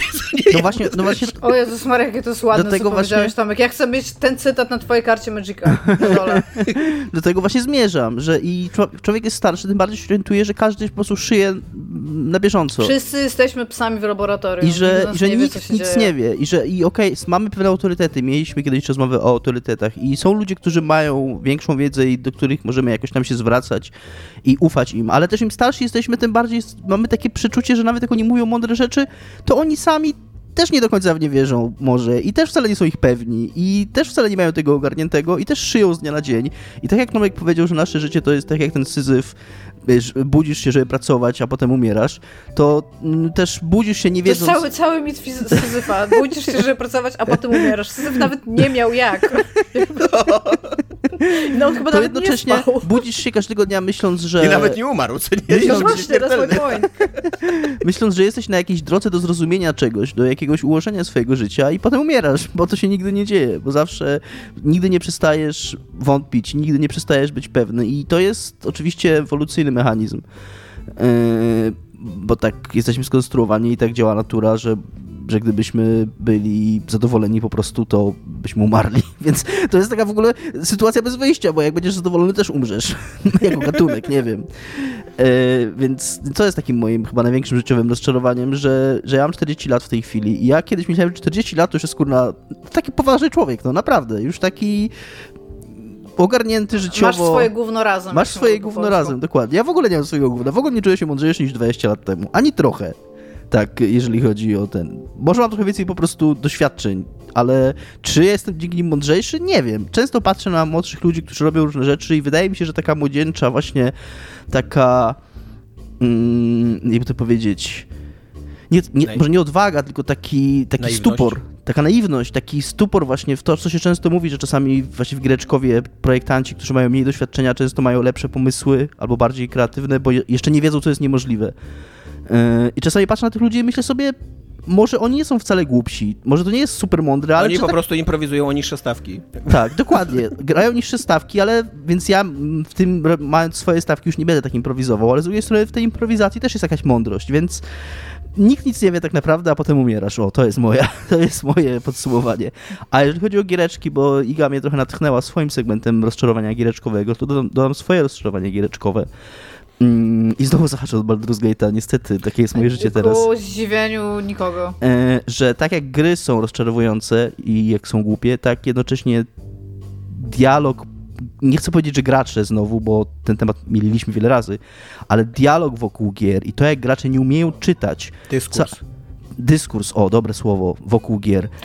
Dobre słowo wymyśliłeś, Tomek. ta, tak drama, ta drama twitterowa o Baldur's Gate 3, ja was prosiłem, żebyśmy o niej nie rozmawiali, ale zahaczę o nią, tylko trochę, bo wciąż nie chcę... Żebyś... Która, bo jest tam ileś, więc... Y, y, ta o to, że ktoś napisał tego tweeta, że to jest standard, którego nie należy oczekiwać po kolejnych grach, to jest anomalia ta gra. I mhm. ten cytat, on w ogóle był z dwa tygodnie temu i on z, jakiś, z jakiegoś powodu wrócił teraz, bo ktoś z IGN-u zrobił materiał o tym. On był z dwa miesiące temu. No właśnie, i to znowu wróciło i to, i to jest taki kunakuchy telefon, bo jak się przeczyta tego tweeta oryginalnego i to oryginalną dyskusję i znowu nie chcę w to wchodzić jakoś głęboko, ale tam w ogóle nie chodzi o to, o czym teraz ten, ten dyskurs jest. Tam w ogóle nie było mowy o tym, o czym się teraz mówi wokół tego. I to jest cała, cały ten właśnie, cały ten, cały ten dyskurs wokół gier to jest taki jeden wielki głuchy telefon, bo każdy leci, wszyscy content creatorzy na YouTubie chcą robić krzykliwe nagłówki, więc y, a, a nikt i tak nie ogląda tych materiałów, więc nawet więc sam nagłówek już im wystarczy, żeby y, sformułować swoją opinię na ten temat. I tylko ludzie się przerzucają tymi nagłówkami i z tego się rodzi jakiś taki konsensus idiotyzmu, no, który, który nie wiem do czego... Nasz nowy podcast, zapraszamy. który, nie wiem, dobra nazwa podcastu swoją drogą. Bardzo dobra, actually. No. Który nie wiem, szczerze mówiąc, do czego prowadzi. To jest przygnębiające. To jest przygnębiające, bo y, jako człowiek, który się jakoś tam interesuje grami i prowadzi jako jedna z trzech osób podcast o grach wideo, trochę nie jestem w stanie ignorować. Tylko trzy osoby prowadzą podcasty. tak, dokładnie. Jeden z nich jest do mnie. Drugą nie, Dave the Diver. Nie jestem w stanie, a trzecią Baldur's Gate. Nie, trzecią kapitan Pierce. nie jestem w stanie ignorować tego dyskursu i, i, a to jest po prostu przykre, no. Więc tak. E, drugie pytanie, tylko sobie tutaj otworzę, bo że się zamknąłem oczywiście to okno, gdzie miałem te pytania. No gdzie mam to okno? Jak sobie radzicie z ostrowaniami? Ja... Tak, no to jest w zasadzie koniec tego pytania. Iga, bo ty bardzo chciałaś odpowiedzieć o tym, jak sobie radzisz. Ja chciałam powiedzieć, że mam te pytania na ekranie. jak ja sobie radzę yy, i tutaj trochę ubiegnę inne pytanie, ja po prostu już nie mam oczekiwań w stosunku do niczego. Albo, co jest, co jest takim dobrym, pesymistycznym jakby sposobem, zakładasz najgorsze i potem po prostu najwyżej się nie zaskoczysz. I to jest coś, co mi pomogło bardzo, bardzo wiele razy przetrwać. Plus, nie wiem jak wy, ale ja ostatnio miałam taką rozkminę, bo strasznie na coś marudziłam, po czym stwierdziłam, że może nie powinnam na to marudzić, bo zakładałam, że ktoś zrobił coś w bardzo cyniczny sposób, dlatego że ja jestem po prostu strasznie cyniczna, a jakby nie miałam skąd tego zakładać. To chodziło w ogóle o jakiś taki design czegoś, więc to nawet nie chodzi o to, że ktoś coś personalnie zrobił. I stwierdziłam, że może po prostu to jest kwestia tego, że ja jestem taką cyniczną szmatą już w tym momencie, że jakby nie mogę założyć, że ktoś coś zrobił z potrzeby jakiegoś serca, tylko że musiał albo na tym zarobić, albo coś tam było, było nie, nie okej, okay, jakby w tym, w tym wszystkim. E, więc ja, ja po prostu już zaczęłam odpowiadać, odgryzając się światu i wszystkiemu, co się dzieje dookoła. Ja, ja tego nie lubię, to nie jest tak, że to jest moje ulubione. Chciałabym być bardziej pozytywna w stosunku do tego, co się dzieje, ale jest mi bardzo trudno to zrobić. Więc nie wiem, pracuję nad tym. Być może, nie, być może niedługo założę nowy podcast, wszystko jest w miarę spoko, a potem i tak umierasz, ale to też jest ok. Tak się będzie nazywał. Working title. A, więc tak, no ja po prostu pozbawiłam się troszeczkę oczekiwań w stosunku do bardzo licznych rzeczy i najczęściej, jeżeli coś jest tam lepsze niż się spodziewałam, co bardzo często się dzieje, to jestem nawet taka o, nice, jakby spoko. I to mi pomaga jakby przetrwać kolejny dzień na tu mu spodolo. Tomek? E, ja mam wrażenie, że do takiego właśnie tematu radzenia sobie z życiowym rozczarowaniem albo z życiem jako rozczarowaniem są dwa podejścia. Jakby pierwsze to jest takie optymistyczne, żeby przekonać się, że życie jednak nie jest rozczarowanie. I wydaje mi się, że tutaj muszą być zaangażowane bardzo duże ilości narkotyków. I literalnie znam, tylko, e, literalnie znam dużo ludzi, ale znam tylko jednego człowieka, któremu to się udało, nie? E, jest to Szymon Adamus, człowiek o nieskończonym optymizmie. E, i... Jo, bez kitu. Tak. Ale myślałem, że, myślałem, że mówisz w sensie y, kogoś, komu się udało brać bardzo dużo narkotyków i że to zadziałało. Ja nie wiem, nie wiem, nie wiem jaka jest tajemnica sukcesu Szymona. nie wykluczam. Właśnie nie, chcia, nie chciałem, żeby, że to było, że tutaj autujemy Szymona za jakieś jego... E... Wyautować w ogóle fakt, że ktoś bierze narkotyki? Nie wiem, może policja nas słucha, no. Jeżeli jesteś politykiem na przykład. Jeżeli jesteś policjantem i to słyszałeś, to... Monaru. Chociaż nie, wielu tak, pracowników Monaru brało narkotyki kiedyś. Ja się zastanawiam teraz, czy Szymon Adamus jest policjantem i pracownikiem Monaru. Czy on jest tym tajnym agentem?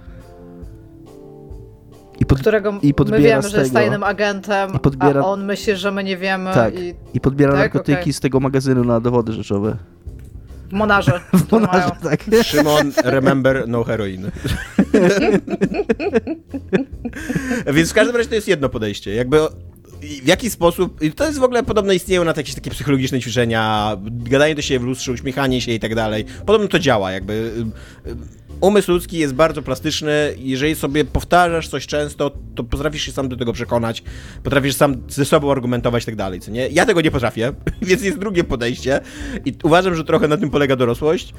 Y, dojrzałość, nawet nie dorosłość, tylko dojrzałość polega na tym, że w pewnym momencie właśnie wyrastasz z tego bycia nastolatkiem, czy tam nawet jeszcze studentem i godzisz się z tym, że życie po prostu jest szeregiem smutnych rozczarowań i że nic więcej cię nie czeka w tym życiu niż tylko smutne rozczarowania, przetykane jakimiś takimi drobnymi momentami szczęścia, spełnienia, e, satysfakcji i tak dalej, nie? Ale to są ładne momenty. To są ładne momenty i y, jak, mówi, jak mówią słowa piosenki, dla nich warto żyć, co nie? Dla, dla tych chwil. E, aczkolwiek jakby proza życia, ten, ten, ten chleb, który y, y, życia, że się tak wyrażę, który konsumujemy na co dzień, co nie? To jest właśnie metafora, no. jest stworzony z, z łez i rozczarowania i, i, i znoju i, i... Dodaj pół szklanki łez. Tak. 250 gramów rozczarowania.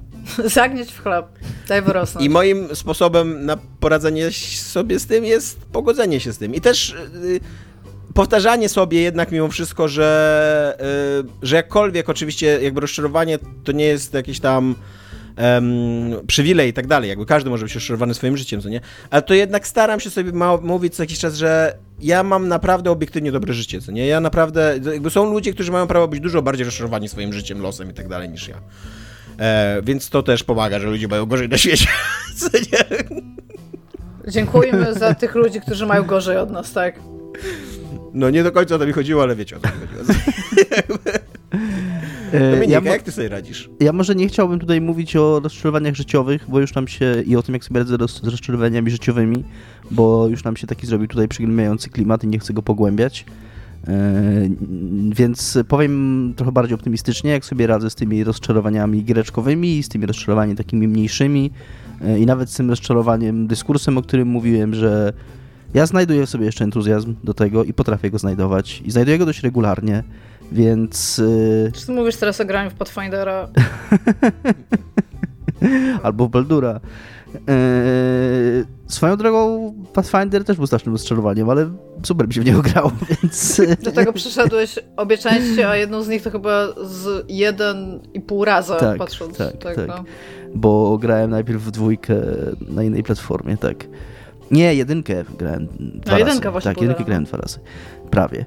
Eee, I, I myślę, że z tymi mniejszymi rozczarowaniami po prostu to jest trochę takie podejście, jak Tomek powiedział, ale jednocześnie to jest trochę takie podejście takiego patrzenia w przyszłość i że nawet jak jestem rozczarowany dzisiaj, to wiem, że zawsze nadchodził ten moment, kiedy pojawiało się coś lepszego, kiedy znowu miałem super entuzjazm, kiedy znowu mi się super chciało w coś grać, albo coś czytać, albo coś robić. E, I że te momenty są i one wracają, więc e, jest taka po prostu sinusoida i trzeba do tego przywyknąć, e, ale nie ma co zakładać, że zawsze jest źle i później umierasz, bo czasami jest dobrze i. Wciąż potem umierasz, ale to może być bardziej ok. Tak, dokładnie. Dokładnie. I w tym momencie chciałem zakończyć, żeby, tak jak mówię, nie przerodzić tego znowu w jakiś festiwal emo, emo i US, tak. Tęsknię za emo.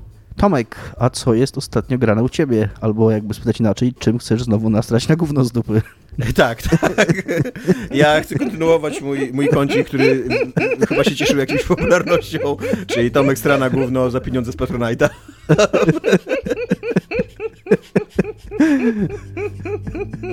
Mój ulubiony kod, let's go.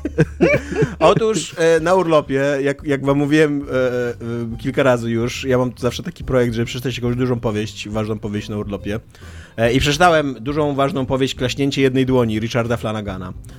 Jest to gówno straszne, od razu tak. Najpierw zacznę w ogóle, dlaczego ją przeczytałem. To jest, to jest bardzo dobry autor. To jest e, człowiek, który napisał Ścieżki Północy. To jest wybitna powieść e, o wojnie w Birmie i, i Australii czasów wojny, e, za którą on dostał nagrodę Bookera. Iga, do, dowcip o nagrodzie Bookera. Czy to jest ten sam Booker z Bioshock Infinite? To nawet fajne, bo dostaje książką w głowę od Elizabeth w jednej z pierwszych scen. Dam.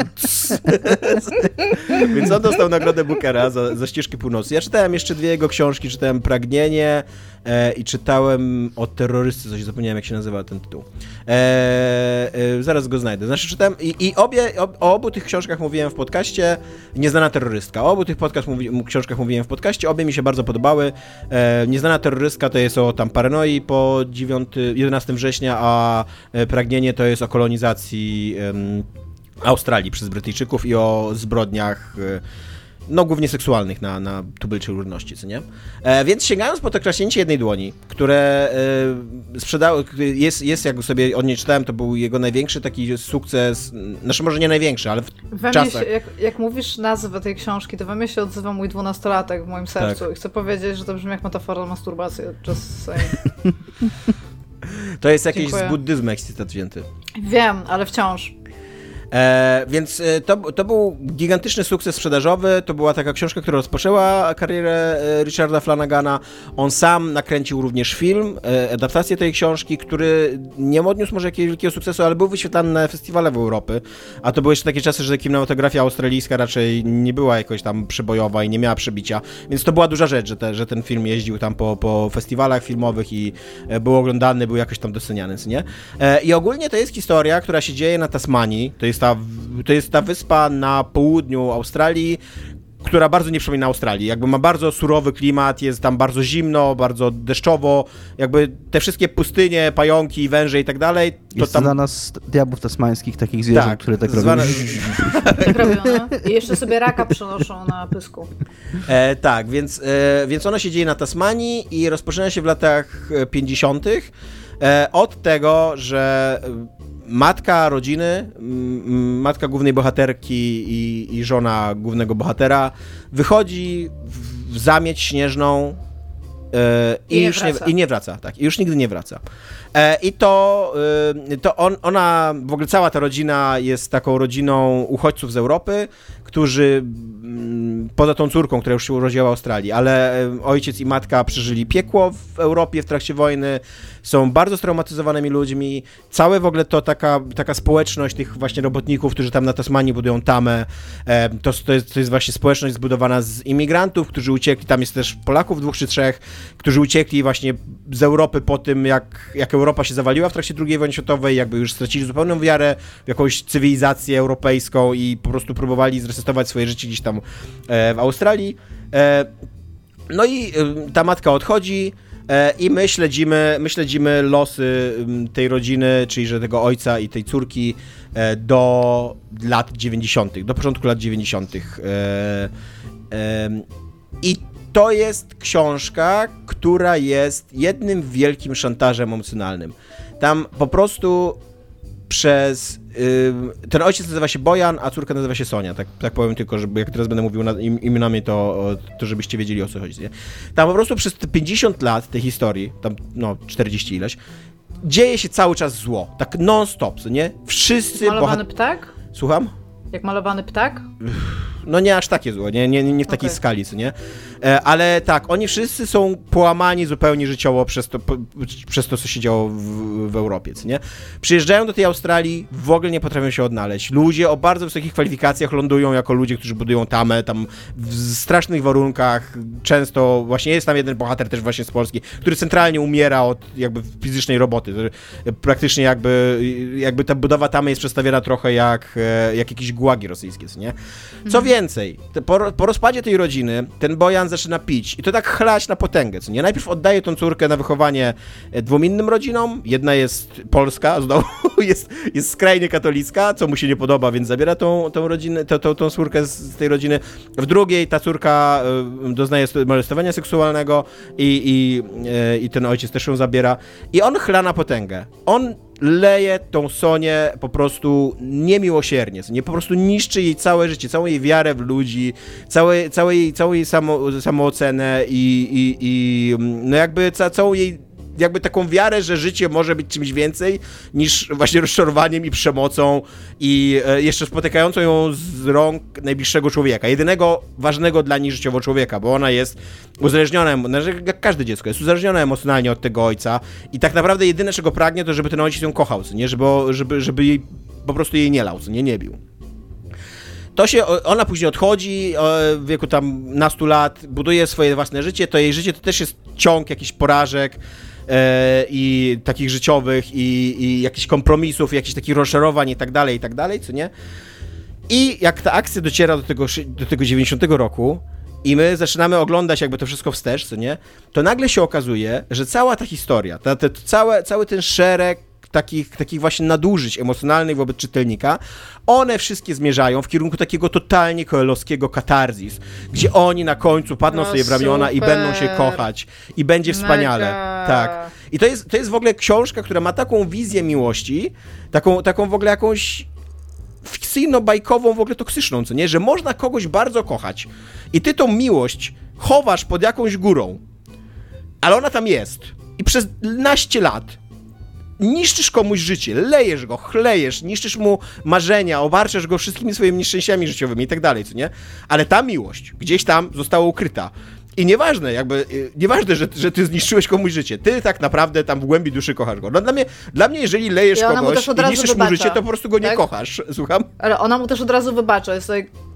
Totalnie jestem z tym okej teraz. Nie od razu, ale tam na końcu tak, tak na, na końcu mu wybaczę sobie. A do tego jeszcze wybaczę mu w takim szeregu takich e, na maksa pretensjonalnych, symbolicznych scen, gdzie wiadomo, że jak na początku jest budowana tama, to co się z tą tamą stanie na końcu, co nie? Jest wysadzana albo rozwala się i zalewa ludzi. Rozwala się i zalewa ludzi. Gdzie wiadomo, jest, jest jedna z pierwszych scen tej książki, to jest taka, że e, ta mm, dorosła już ta Sonia wraca do, do, do, tego, do tego miasteczka właśnie, gdzie tam, do tego robotniczego miasteczka, które już nie istnieje e, i, i, i wygrzebuje jakby z e, ziemi swój taki ba- zabawkowy imbryczek, potłuczony, jakby szczątki tego zabawkowego imbryczka. W ciągu tej książki dowiadujemy się, dlaczego ona stłukła ten imbryczek jako dziecko i oczywiście to miało związek jakby z tym, jak wyglądało jej życie, nie? No i zgadnijcie, co się na koniec dzieje z tym imbryczkiem potłuczonym. Skleja go. No, skąd wiedziałaś, Iga, skąd wiedziałaś? Nie?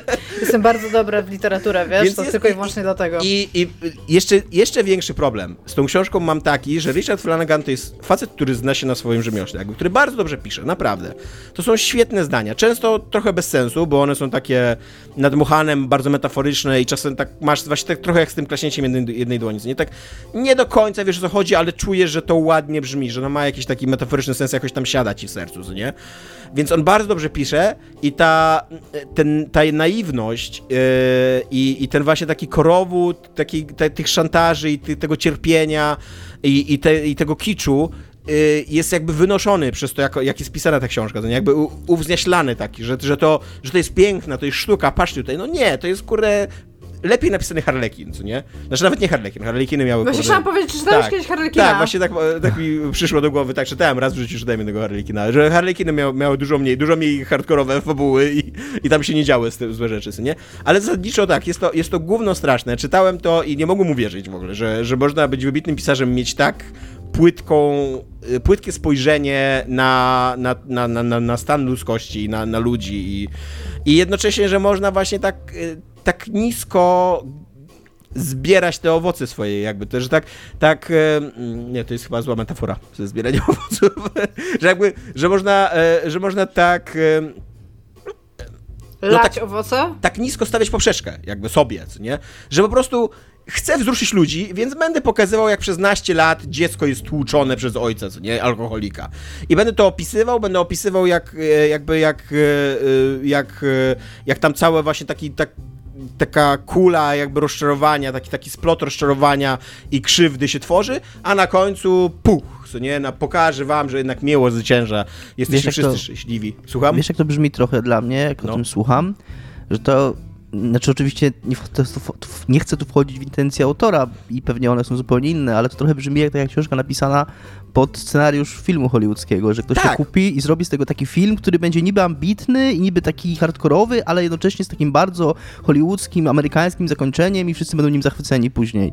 To jest, I... to jest bardzo dobry trop, Dominiku, ponieważ ta książka na początku powstała podobno jako scenariusz i właśnie Flanaganowi bardzo zależało na tym, żeby ją nakręcić. Nikt jej nie chciał Kurde, nakręcić. Dominik, piąteczka, więc... czekaj. Nieźle, nieźle. Tak.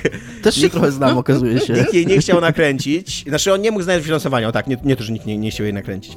Więc on napisał po powieść, napisał tą powieść, ona się okazała gigantycznym sukcesem, przeczytał jakiś producent filmowy, który ryczał 4 dni po tej książce, nie, ta, tak mu przynajmniej opowieść opowiada, i powiedział ten producent filmowy, że on sfinansuje ten film, ale tylko pod warunkiem, że Flanagan go nakręci. I Flanagan go nakręci, jakby, i jest taki film, jakby, i ja, ja nie okay. oglądam tego filmu, znaczy nie obejrzałem tego filmu, bo nie chcę go oglądać, nie chcę mieć z tą historią nic wspólnego, ale podejrzewam, że to jest totalnie taki film, co Więc tak, więc to jest gówno, na które się wysrałem e, za wasze pieniądze. Ja trochę teraz chcę zobaczyć ten film, to... I, I nie polecam, naprawdę nie polecam. Naprawdę, to jest w ogóle tak zła książka, że ja retrospektywnie patrzę na te po, trzy pozostałe jego książki i zastanawiam, czy one też nie były złe, tylko ja tego nie dostrzegłem. To jest tak jak w Brejdzie, że coś e, w przyszłości miało tak bardzo duży e, wpływ na, tak. na twoje postrzeganie rzeczywistości, że odbija się w przeszłość i wpływa na twoje wspomnienia, no. Tak, natomiast książką, którą chcę wam polecić, e, takim czytanym science fiction, tylko takiego magicznego science fiction, to jest Gambit Lisa, autorstwa Yuha Lee, Yun Ha Lee, nie wiem, czy to jest autor czy autorka. w każdym razie wydało to wydawnictwo MAG. E, I e, jest to taka powieść science fiction, która ma bardzo ciekawy pomysł na to, jak potraktować e, naukę, a dokładnie matematykę. Otóż matematyka jest potraktowana w tym, w tym w tej książce jak magia po prostu. Jakby całe założenie, całe założenie tej, tej książki jest takie, że e, istnieje pewna taka dyktatura kosmiczna, e, złożona z wielu światów i tak dalej, nie? która jest rządzona przez, przez sześć frakcji, co nie? Jakby takich, każda z tych frakcji zajmuje się trochę czymś innym. Jedna się zajmuje szpiegowstwem, druga się zajmuje e, taką, nasz, przedstawiciele drugiej są zazwyczaj takimi żołnierzami, yy, takimi prawdziwymi jakby szturmowcami, że się tak wyrażę, co nie? E, jedna jest jakimi, jedna się zajmuje właśnie matematyką i tak dalej, i tak dalej, co nie? I w pewnym momencie bardzo ważna twierdza dla tej, dla tej, e, mm, e, dla tej dyktatury zostaje przejęta przez e, coś, co oni nazywają herezję, e, a co po prostu jest jakimś tam buntem, rewolucją i tak dalej, nie? E, I tak, Dominik?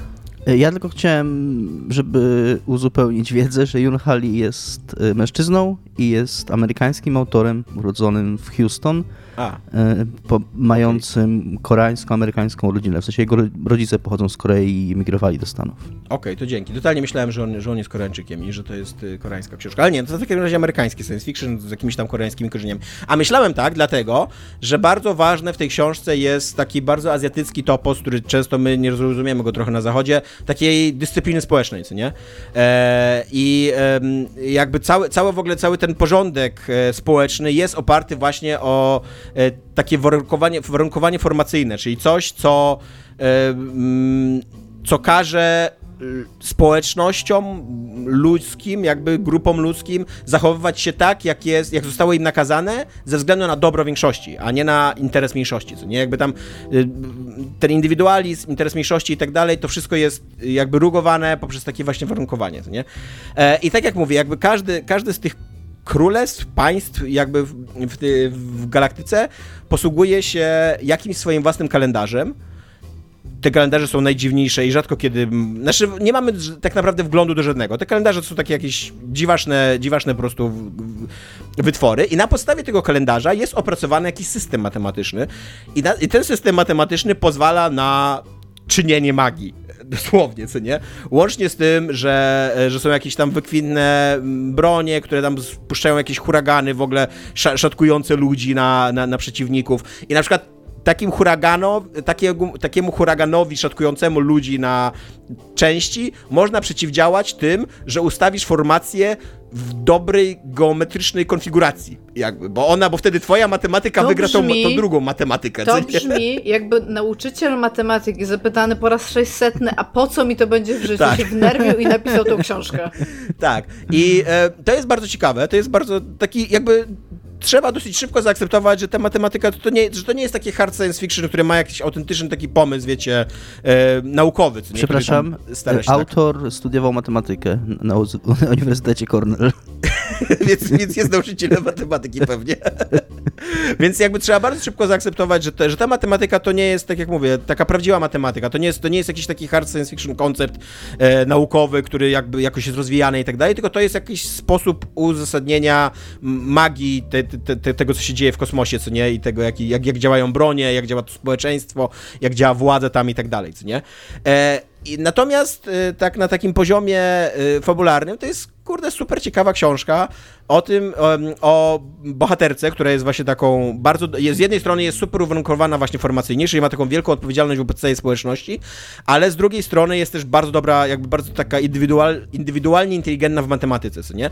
I ona zostaje wyznaczona, pomimo tego, że jest tam dosyć nisko w hierarchii, zostanie wyznaczona do odbicia tej twierdzy. A żeby odbić tą twierdzę, zostaje jej wszczepiona osobowość takiego przeklętego generała, który kiedyś wymordował bardzo dużo ludzi po jednej i drugiej stronie. Jakby je, żeby, żeby wygrać bitwę, poświęcił całą armię ze swojej strony też, co nie? I za to został wyklęty, ale jakby był uważany za takiego geniusza, bo koniec końców im wygrał tą wojnę, że tam jego osobowość on, jakby centralnie on, to nie jest jakiś tam konstrukt cyfrowy ani nic, tylko jakby jego, jego osobowość po prostu istnieje i jest przeszczepiana z człowieka do człowieka, co nie? I jej zostaje wszczepiona ta osobowość i ona ma, ma odbić tą twierdzę, co nie? I oczywiście w ramach rozwoju akcji dowiadujemy się, co się wydarzyło w tej przeszłości, dlaczego podjął taką, a nie inną decyzję e, i tak dalej, i tak dalej. I to jest naprawdę, kurde, dobrze napisana, pomysłowa książka, taka powieść, bez jakichś wielkich ambicji, jakby to, to nie jest książka o tam naturze człowieczeństwa, o właśnie jakichś, kurde, wielkich naukowych konceptach ręką. i tak dalej. Jaki jest dźwięk, I o klaskaniu jedną ręką, bo tak. jest dźwięk klaśnięcia jedną tak. ręką. Tylko to jest książka fap, o... Fap, fap. Fap, fap, fap, no, jakby basically. Tak, that buddyzm. Tylko to jest książka o, o, wojnie w kosmosie, gdzie tam są duże ilości, duże ilości żołnierzy z jednej i z drugiej strony i oni się do siebie strzelają dziwnymi broniami, stosują na sobie jakieś matematyczne sztuczki, które są czarami tak naprawdę, co nie? Brzmi Ale, to super. Tak, czyta, czyta się to fajnie. Nawet jak masz takie plot twisty oparte na tą matematykę, co nie? To, to tak naprawdę to nie jest plot twist, bo plot twist to jest coś, co ty powinieneś jako czytelnik, tak mi się wydaje, e, jakoś antycypować ze świata przedstawionego. A jako, że ty nie rozumiesz tej matematyki, bo jej się nie da zrozumieć, bo to jest fikcyjna matematyka, zbudowana na, poziom, na podstawie fikcyjnych założeń, właśnie jakichś takich kalendarzy wymyślanych i tak dalej. I te kalendarze w ogóle, to, to jest w ogóle też zajebisty pomysł, że te kalendarze mają swoje własne święta. I to są na przykład męczennice, albo jakie, takie, takie, wiecie, takie dni, kiedy, e, kiedy się upamiętnia jakąś klęskę, albo to są jakieś święta jakichś takich sukcesów i tak dalej. I co jest super ciekawe, to znaczy takim, takim konceptem na tą magię, to że można całym tym systemem magicznym, całą tą matematyką manipulować za pomocą dat tych świąt. więc, więc centralnie manipulując jakby kalendarzem, możesz manipulować całym systemem magicznym, który rządzi w tym królestwie, co nie? E, więc tak, więc to, to, jest ciekawe i właśnie są tam takie plot twisty, które, których nie jesteś w stanie jako czytelnik przewidzieć, bo nie rozumiesz tej matematyki, bo jej się nie da zrozumieć, ale jednocześnie jak one się dzieją, to sobie myślisz, kurde, fajny pomysł, tak spoko, so jakby szkoda trochę, że ja tego nie mogłem przewidzieć, tylko bohaterowie mogli to przewidzieć, bo bohaterowie rozumieją ten świat, a ja go nie rozumiem, co nie? Ale z to, to, jest, strony... to jest też takie samej zasadzie, jak Sherlock Holmes jest pisany, że Holmes wie więcej od ciebie, tak, ma więcej tak, informacji, tak, więc każdy plot twist nie jest taki, że ty byś był w stanie na niego zdać, bo po prostu po... zatrzymywali pewne informacje przed Tak, tobą, i tutaj jest dokładnie ta sama sytuacja z tym generałem, jakby, co nie? On jest geniuszem takim polu bitwy i e, żeby udowodnić jego geniusz, to on robi rzeczy, które no dla ciebie jako dla czytelnika żyjącego w normalnym świecie, gdzie matematyka wygląda trochę inaczej i e, no nie mają sensu, co nie? A tam się okazuje, że mają wielki sens. I myślę, o kurde, wow, co nie? Fajne, fajne rozwiązanie fabularne. zero, Ale tak jak mówię, tak, e, jest to pierwsza część trylogii, oczywiście, To jest zakazane, to jest zakazane, Dominik, y, jakby zaklęcie. I przez zero. za, e, jakby za, e, za tą książką, za tym jak ona mi się podobała, niech świadczy to, że jak się dowiedziałem mniej więcej w połowie tej książki, że to jest pierwsza część trylogii, to nawet nie byłem zły. Nawet stwierdziłem, okej, przeczytam jeszcze drugi, trzeci dom, niech będzie, co nie? E, na razie one są niewydane jeszcze w Polsce, ale podejrzewam, że zostaną wydane, bo Mac raczej realizuje te swoje tam zamierzenia wydawnicze, jak już coś zaczyna wydawać, to kończy. Więc, więc ogólnie polecam. Gambit Lisa, napisał to Yun Ha Lee, tak się nazywa autor. I to nie jest gówno i nie sram na to i jest okej i daje swoją okejkę.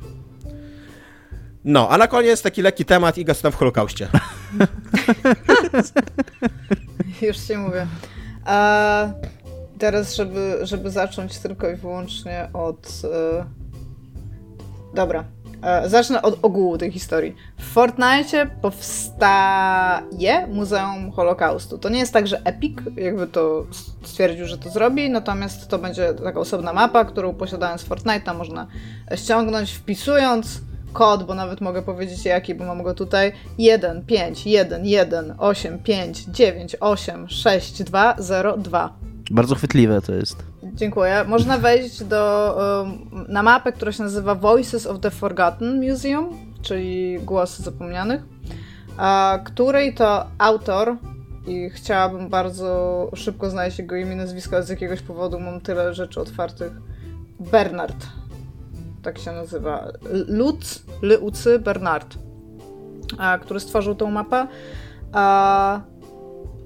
On się wypowiedział e, tutaj w, w, tym dziwnym formacie wywiadowym, który ostatnio tak bardzo lubi, lubimy z Tomkiem czytać, e, mówiąc o tym, że uważa, że pamięć o Holokauście jest bardzo ważna i o ile, bo to pewnie jak usłyszeliście o tym wcześniej i teraz, albo teraz pierwszy raz, to pomyślcie sobie Jesus fucking Christ, wsadzają Holokaust do Fortnite'a, być może nie jest to najlepszy pomysł. I teraz e, pan Bernard uważa, że ten pomysł jest dobry, dlatego że muzea Holokaustu istnieją, aczkolwiek e, bardzo dużo publiczności, które najprawdopodobniej nie będzie miało z nimi styczności, jest w świecie, w cudzysłowie wirtualnym, w świecie cyfrowym, bardzo dużo ludzi gra w Fortnite'a i on chciałby rozszerzać tę wiedzę na temat e, pogromu, znaczy no, na temat Holokaustu, w ten sposób, żeby ci ludzie mieli łatwy dostęp do danych. A w związku z czym stworzył właśnie taką mapę, gdzie raz wiem, że pewnie już wymyślacie, jakie są reguły tego Muzeum Holokaustu e, w Battle Royale, ale nie. E, to jest adventure e, mode stworzony na eksplorację, który ma wyłączone emotki, więc nie powtórzy się to, co było podczas przemówienia Martina Luthera Kinga w Fortnite, to się, to się nie stanie. I gdzie można po prostu przejść przez muzeum i dowiedzieć się z dosłownie takiej ekspozycji, jakiej byście się spodziewali w muzeum, z, pooglądać zdjęcia i dowiedzieć się historii po prostu Żydów i Holokaustu. To, czego nie zobaczycie ze względu na ograniczenia wiekowe, no, które Epic jakby musi enforsować na, na ludzi, żeby dostać certyfikację i żeby można było odpalić daną mapę w Fortnite. Nie zobaczycie tam ciał i nie zobaczycie tam zdjęć stricte z obozów, Natomiast będziecie w stanie przeczytać o historii migracji, na przykład po wojnie, albo to, co działo się zaraz przed, albo wszelkie inne informacje, które jakby nie zawierają tak brutalnych szczegółów, żeby, żeby nie można ich było umieścić po prostu na mapie w Fortnite. Więc taka jest ogólnie historia. E, ten pan jeszcze wydał wcześniej e, coś, co się nazywa, bo nie słyszałam o tej grze, więc jakby sobie teraz otworzyłam, żeby to, żeby to zapamiętać i sprawdzić. Coś, co się nazywa The Light in the Darkness. I jest to też gra edukacyjna, która e, no, bierze na temat Holokaust, więc jakby ten temat jest dla pana Bernarda bardzo ważny i chciałby edukować ludzi na jego temat posługując się medium growym. Uważam, no. że jakby samo założenie jest bardzo ładne i... No właśnie Iga, dla ciebie jako dla muzealniczki, czy... Czy Muzeum Holokaustu nie za mądrej nie grze wideo. Nie doszłej muzelniczki, napisałeś przecież, w mailu. Przecież e, pokusiła się do tego, że jednak byłaś muzelniczką, że jednak pracowałaś dwa znaczy, razy. ja w ogóle mam wykształcenie muzealnika, więc w ogóle fakt, żeby to, to jak... To jest takie... To jest nawet nie wiem, jak ja bym cię mogła wrzucić, to jest po prostu bardzo nieładne. W każdym razie... Więc się poprawiam publicznie. Tak. Nie wiem, to ty teraz sama dobra, sobie wrzucasz do, Dobra, teraz powiedz mi jako muzealniczka co? Czy, fakt, e, czy, czy jako muzealniczka e, myślisz, że to jest dobry pomysł, żeby w grze, która jednak jest dosyć głupkowata, i to nie jest jakby wrzuta, nie? To jest, to jest stwierdzenie mm. faktu, że, że Fortnite jest dosyć Ono jest po pierwsze bardzo kartunkowe. Tak, jest bardzo no, kartunkowe, tak. nie? E, podejmować taki temat e, i w taki sposób, nie? Bo znaczy... i tutaj, tutaj od razu powiem, no bo jednak Holokaust ma jakieś tam bardzo wyjątkowe mm, miejsce, w, nawet właśnie w dyskursie dookoła ludobójstw. O, o wielu innych ludobójstwach mówi się dużo łatwiej i bardziej tak. otwarcie i z mniejszym tabu niż o Holokauście. Nie, nie poradzi, znaczy tak, jeszcze kulturowo i w ogóle społecznie Holokaust powoduje bardzo dużo jakby to powiedzieć, sprzeczności w niektórych po prostu dyskursach, plus yy, to jest też coś, co w ogóle w, w, tym wywiadzie się pojawia i to jest dosyć ważne. Yy, wśród graczy i w ogóle tego społeczeństwa kultury zachodniej zorganizowanego jednak w Stanach Zjednoczonych, który jest centrum tej kultury, a jakby wraca ten ruch, on nigdy nie umarł, ale wraca tak troszeczkę w większych siłach antysemityzmu. Mhm. Więc jakby to też jest wystawianie y, tej, tych danych i tej wiedzy jakby na tych ludzi, tak, którzy bardzo często w ogóle zaprzeczają temu pojęciu. W sensie, że Holokaust nigdy się nie odbył, tak? A więc jest to, tak jak mówię, jest to na pewno bardzo kontrowersyjny nagłówek, bo ja pamiętam, jak ja przeczytałam, właściwie usłyszałam o tym pierwszy raz, tak, po prostu ziomek, który czytał newsy giereczkowe, nagle powiedział, ej, wszyscy, słuchajcie, powstaje Muzeum Holokaustu w Fortnite. I jakby pierwsze skojarzenie to jest, oczywiście, że to nie jest gra edukacyjna, znaczy, że to nie jest mapa edukacyjna, tylko że centralnie na samym środku mapy w Fortnite w Battle Royale Mode tam 100 ludzi w samolocie czy tam w autobusie spada do Muzeum Holokaustu i jakby jak się domyślacie, no dy, jakby dyskusja nie poszła w dobrą stronę, tak, tutaj. A, aczkolwiek jakby czytając, y, jakby ja wierzę w fakt, że autor ma tylko dobre rzeczy i tylko dobre intencje tutaj na myśli. On chce, żeby coraz więcej ludzi miało dostęp do tych danych i chce je pokazać i, sa, i sam sobie zdaje też sprawę, bo to też jest coś, co z tego tam wynikło, że on wie, czym jest Fortnite. I zdaję sobie sprawę z tego, że przyjdzie ziomeczek przebrany, nie wiem, za Optimus Prima do tego muzeum, ale że postarał się ograniczyć te takie silly interactions do zupełnego minimum, natomiast jego zdaniem ludzie będą ludźmi i fakt, że jest w stanie dostać jakby mównicę, tak, na moment tego, czasu tych ludzi, to jest dla niego opłacalne, żeby ci ludzie przeczytali te plakietki. Natomiast tutaj też muszę powiedzieć, ja nie byłam na tej mapie, jestem jej ciekawa, chciałabym ją zobaczyć, bo ja mam, ja mam jeden, e, jedna taka rzecz, która mnie jako muzealnika tutaj interesuje, to, zaraz wrócę do tego tematu, czy Holokaust to jest akurat w porządku temat do Fortnite'a. Ja nie wiem, jak wygląda ta, to muzeum, bo jeżeli to jest po prostu muzeum z traktem zwiedzania, gdzie chodzisz i masz e, jakieś zdjęcie i akapit obok, tak? To jakby jest to bezpieczne zachowanie, natomiast czy ludzie rzeczywiście będą to czytać? Jakby, czy to coś rzeczywiście da? Najprawdopodobniej nie za bardzo. A jeżeli chodzi o to, czy uważam, że Fortnite jest dobrym miejscem na Muzeum Holokaustu, jakby osobiście niekoniecznie, ale tak jak mówię, zgadzam się z fakt. Zga jestem przekonana, że osoba, która je stworzyła, ma tylko dobre rzeczy w sercu i chce dokładnie osiągnąć to, co opisał, że osiągnie. Nie widzę tutaj jakby nic złego. Ja bym się po prostu na jego miejscu zastanowiła, czy tak jak mówisz, czy to jest odpowiednie medium do tego, bo jakby co to ma, jakby to wiesz, to, to, to nie jest tak, że ludzie nagle zaczną dyskutować na ten temat, grając w Fortnite'a. Stu ludzi w autobusie, jakby zaskakujemy na wyspę, tak? To, to też może... jest w ogóle, w ogóle forma tego muzeum jest też dla mnie trochę problemem, bo E, tak jak mówisz, nie? Jakby Epic nie może dopuścić do pewnych treści. E, tak, które są jakby związane. Które są bardzo, jakby tak. Bardzo no. crucial są w tym Holokauście. Tak, tak? To nie było jak... tak, że ludzie byli bardzo niemili dla Żydów i oni sobie pojechali, tak? Jakby to, to, nie jest, to nie jest ta historia. To jest, to, jest, to jest jedna spójna historia, którą powinniśmy opowiadać w jeden spójny sposób, tak? Żeby, żeby to jest ważne w ogóle w tym wszystkim. Jakby dokładnie. Być może jedna spójna historia. To jest ja bardzo mam, skomplikowana historia, ale ja, potrzebuję mieć całość danych. Tak, dokładnie. Ja mam jakby, tak jak mówisz, że wśród graczy, no nie wiem, czy akurat jakby wśród całej społeczności graczy, ale że jest problem jakiś tam antysemityzmu, co nie? Jest na pewno też problem w internecie w ogóle, co nie? A wiadomo, że gracze to są istoty internetowe. E, jest problem z w ogóle mm, denializmem, co nie? Holokaustowym. Właśnie tutaj w tym momencie, w tym miejscu chciałem dodać, że wygooglałem sobie, bo gdzieś, gdzieś mi ostatnio minął ten wątek, wygooglałem sobie artykuł z Guardiana. Myślałem, że to były nowsze badania, ale też nie są takie super stare, bo są z 2020 roku i mam wrażenie, że jeżeli coś się zmieniło, to tylko na gorsze w tej kwestii. I badanie było przeprowadzone wśród przedstawicieli milenialsów i zetek, czyli takich powiedzmy młodszych pokoleń e, i 48% z nich, e, od 18 do 39 lat ludzie, 48, 48% z nich nie było w stanie wymienić jednego obozu koncentracyjnego albo getta. 23%, prawie ćwierć, stwierdziła, że nie wierzy, że Holokaust był, znaczy, że uważa, że Holokaust jest mitem, albo jest przesadzony, albo nie są pewni. A 12% powiedziało, że zdecydowanie nigdy nie słyszeli o Holokauście. No właśnie. Co, i wydaje się absurdalne, jak tak. się żyje w Polsce, ale takie są realia chociażby w Stanach I wracając, wracając do tej mojej myśli, jakby, żeby przekonać największych denialistów Holokaustu, jakimi byli zwykli Niemcy, co nie, którzy po prostu nie wierzyli, e, że coś takiego się wydarzyło e, tuż po wojnie, to Amerykanie zatrudnili całą ekipę filmowców, między innymi Hitchcocka i kręcili centralnie tak. takie najgorsze zdjęcia z Holokaustu. Autentycznie są, e, ja, ja oglądałem ten film, jak już tam dużo Te wiedziałem o Holokauście. są w ogóle dostępne na YouTube. Tak, tak i ja już oglądałem ten film, jak, jak, jak już wiedziałem dużo o Holokauście, a nadal to było dla mnie wstrząsające, co nie, co tam, jak, jak wyglądają te zdjęcia, jak ci ludzie wyglądają, jak działała ta cała machina i tak dalej, co nie? I właśnie, i, i ten film był wyświetlany Niemcom, żeby jakby pokazać im, że co zrobiliście, co nie? I teraz robienie takiego, takiego muzeum bez tej takiej graficznej reprezentacji, zwłaszcza w graficznym, w takim audiowizualnym medium, jakie są gry wideo, nie?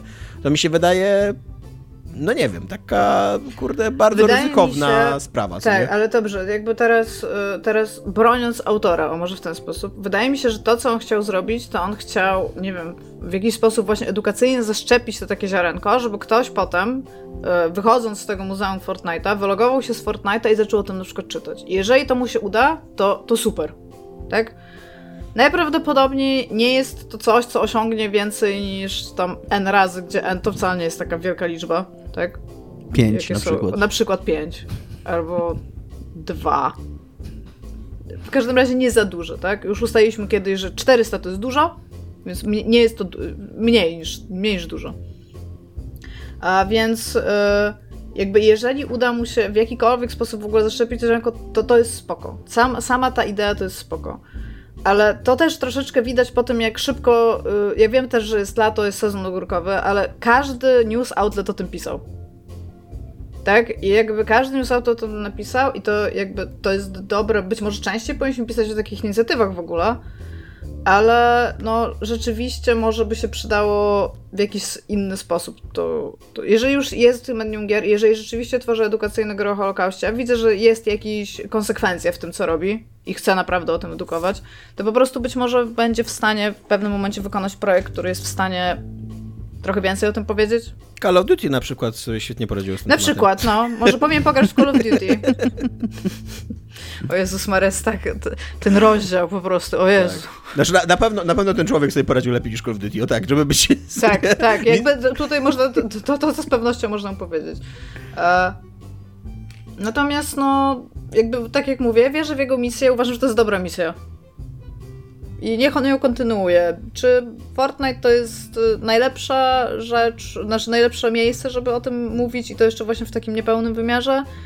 Pewnie nie, ale też z drugiej strony jakby nie mam co rzucać kamieniami, jeszcze nie byłam w tym muzeum. Jest to darmowe, jakby trzeba, bardzo chętnie to zobaczę i się przejdę po nim. I wtedy mogę ci nawet ocenić informacje i trakt, tak? Jakby zwiedzania, bo mam ku temu narzędzia.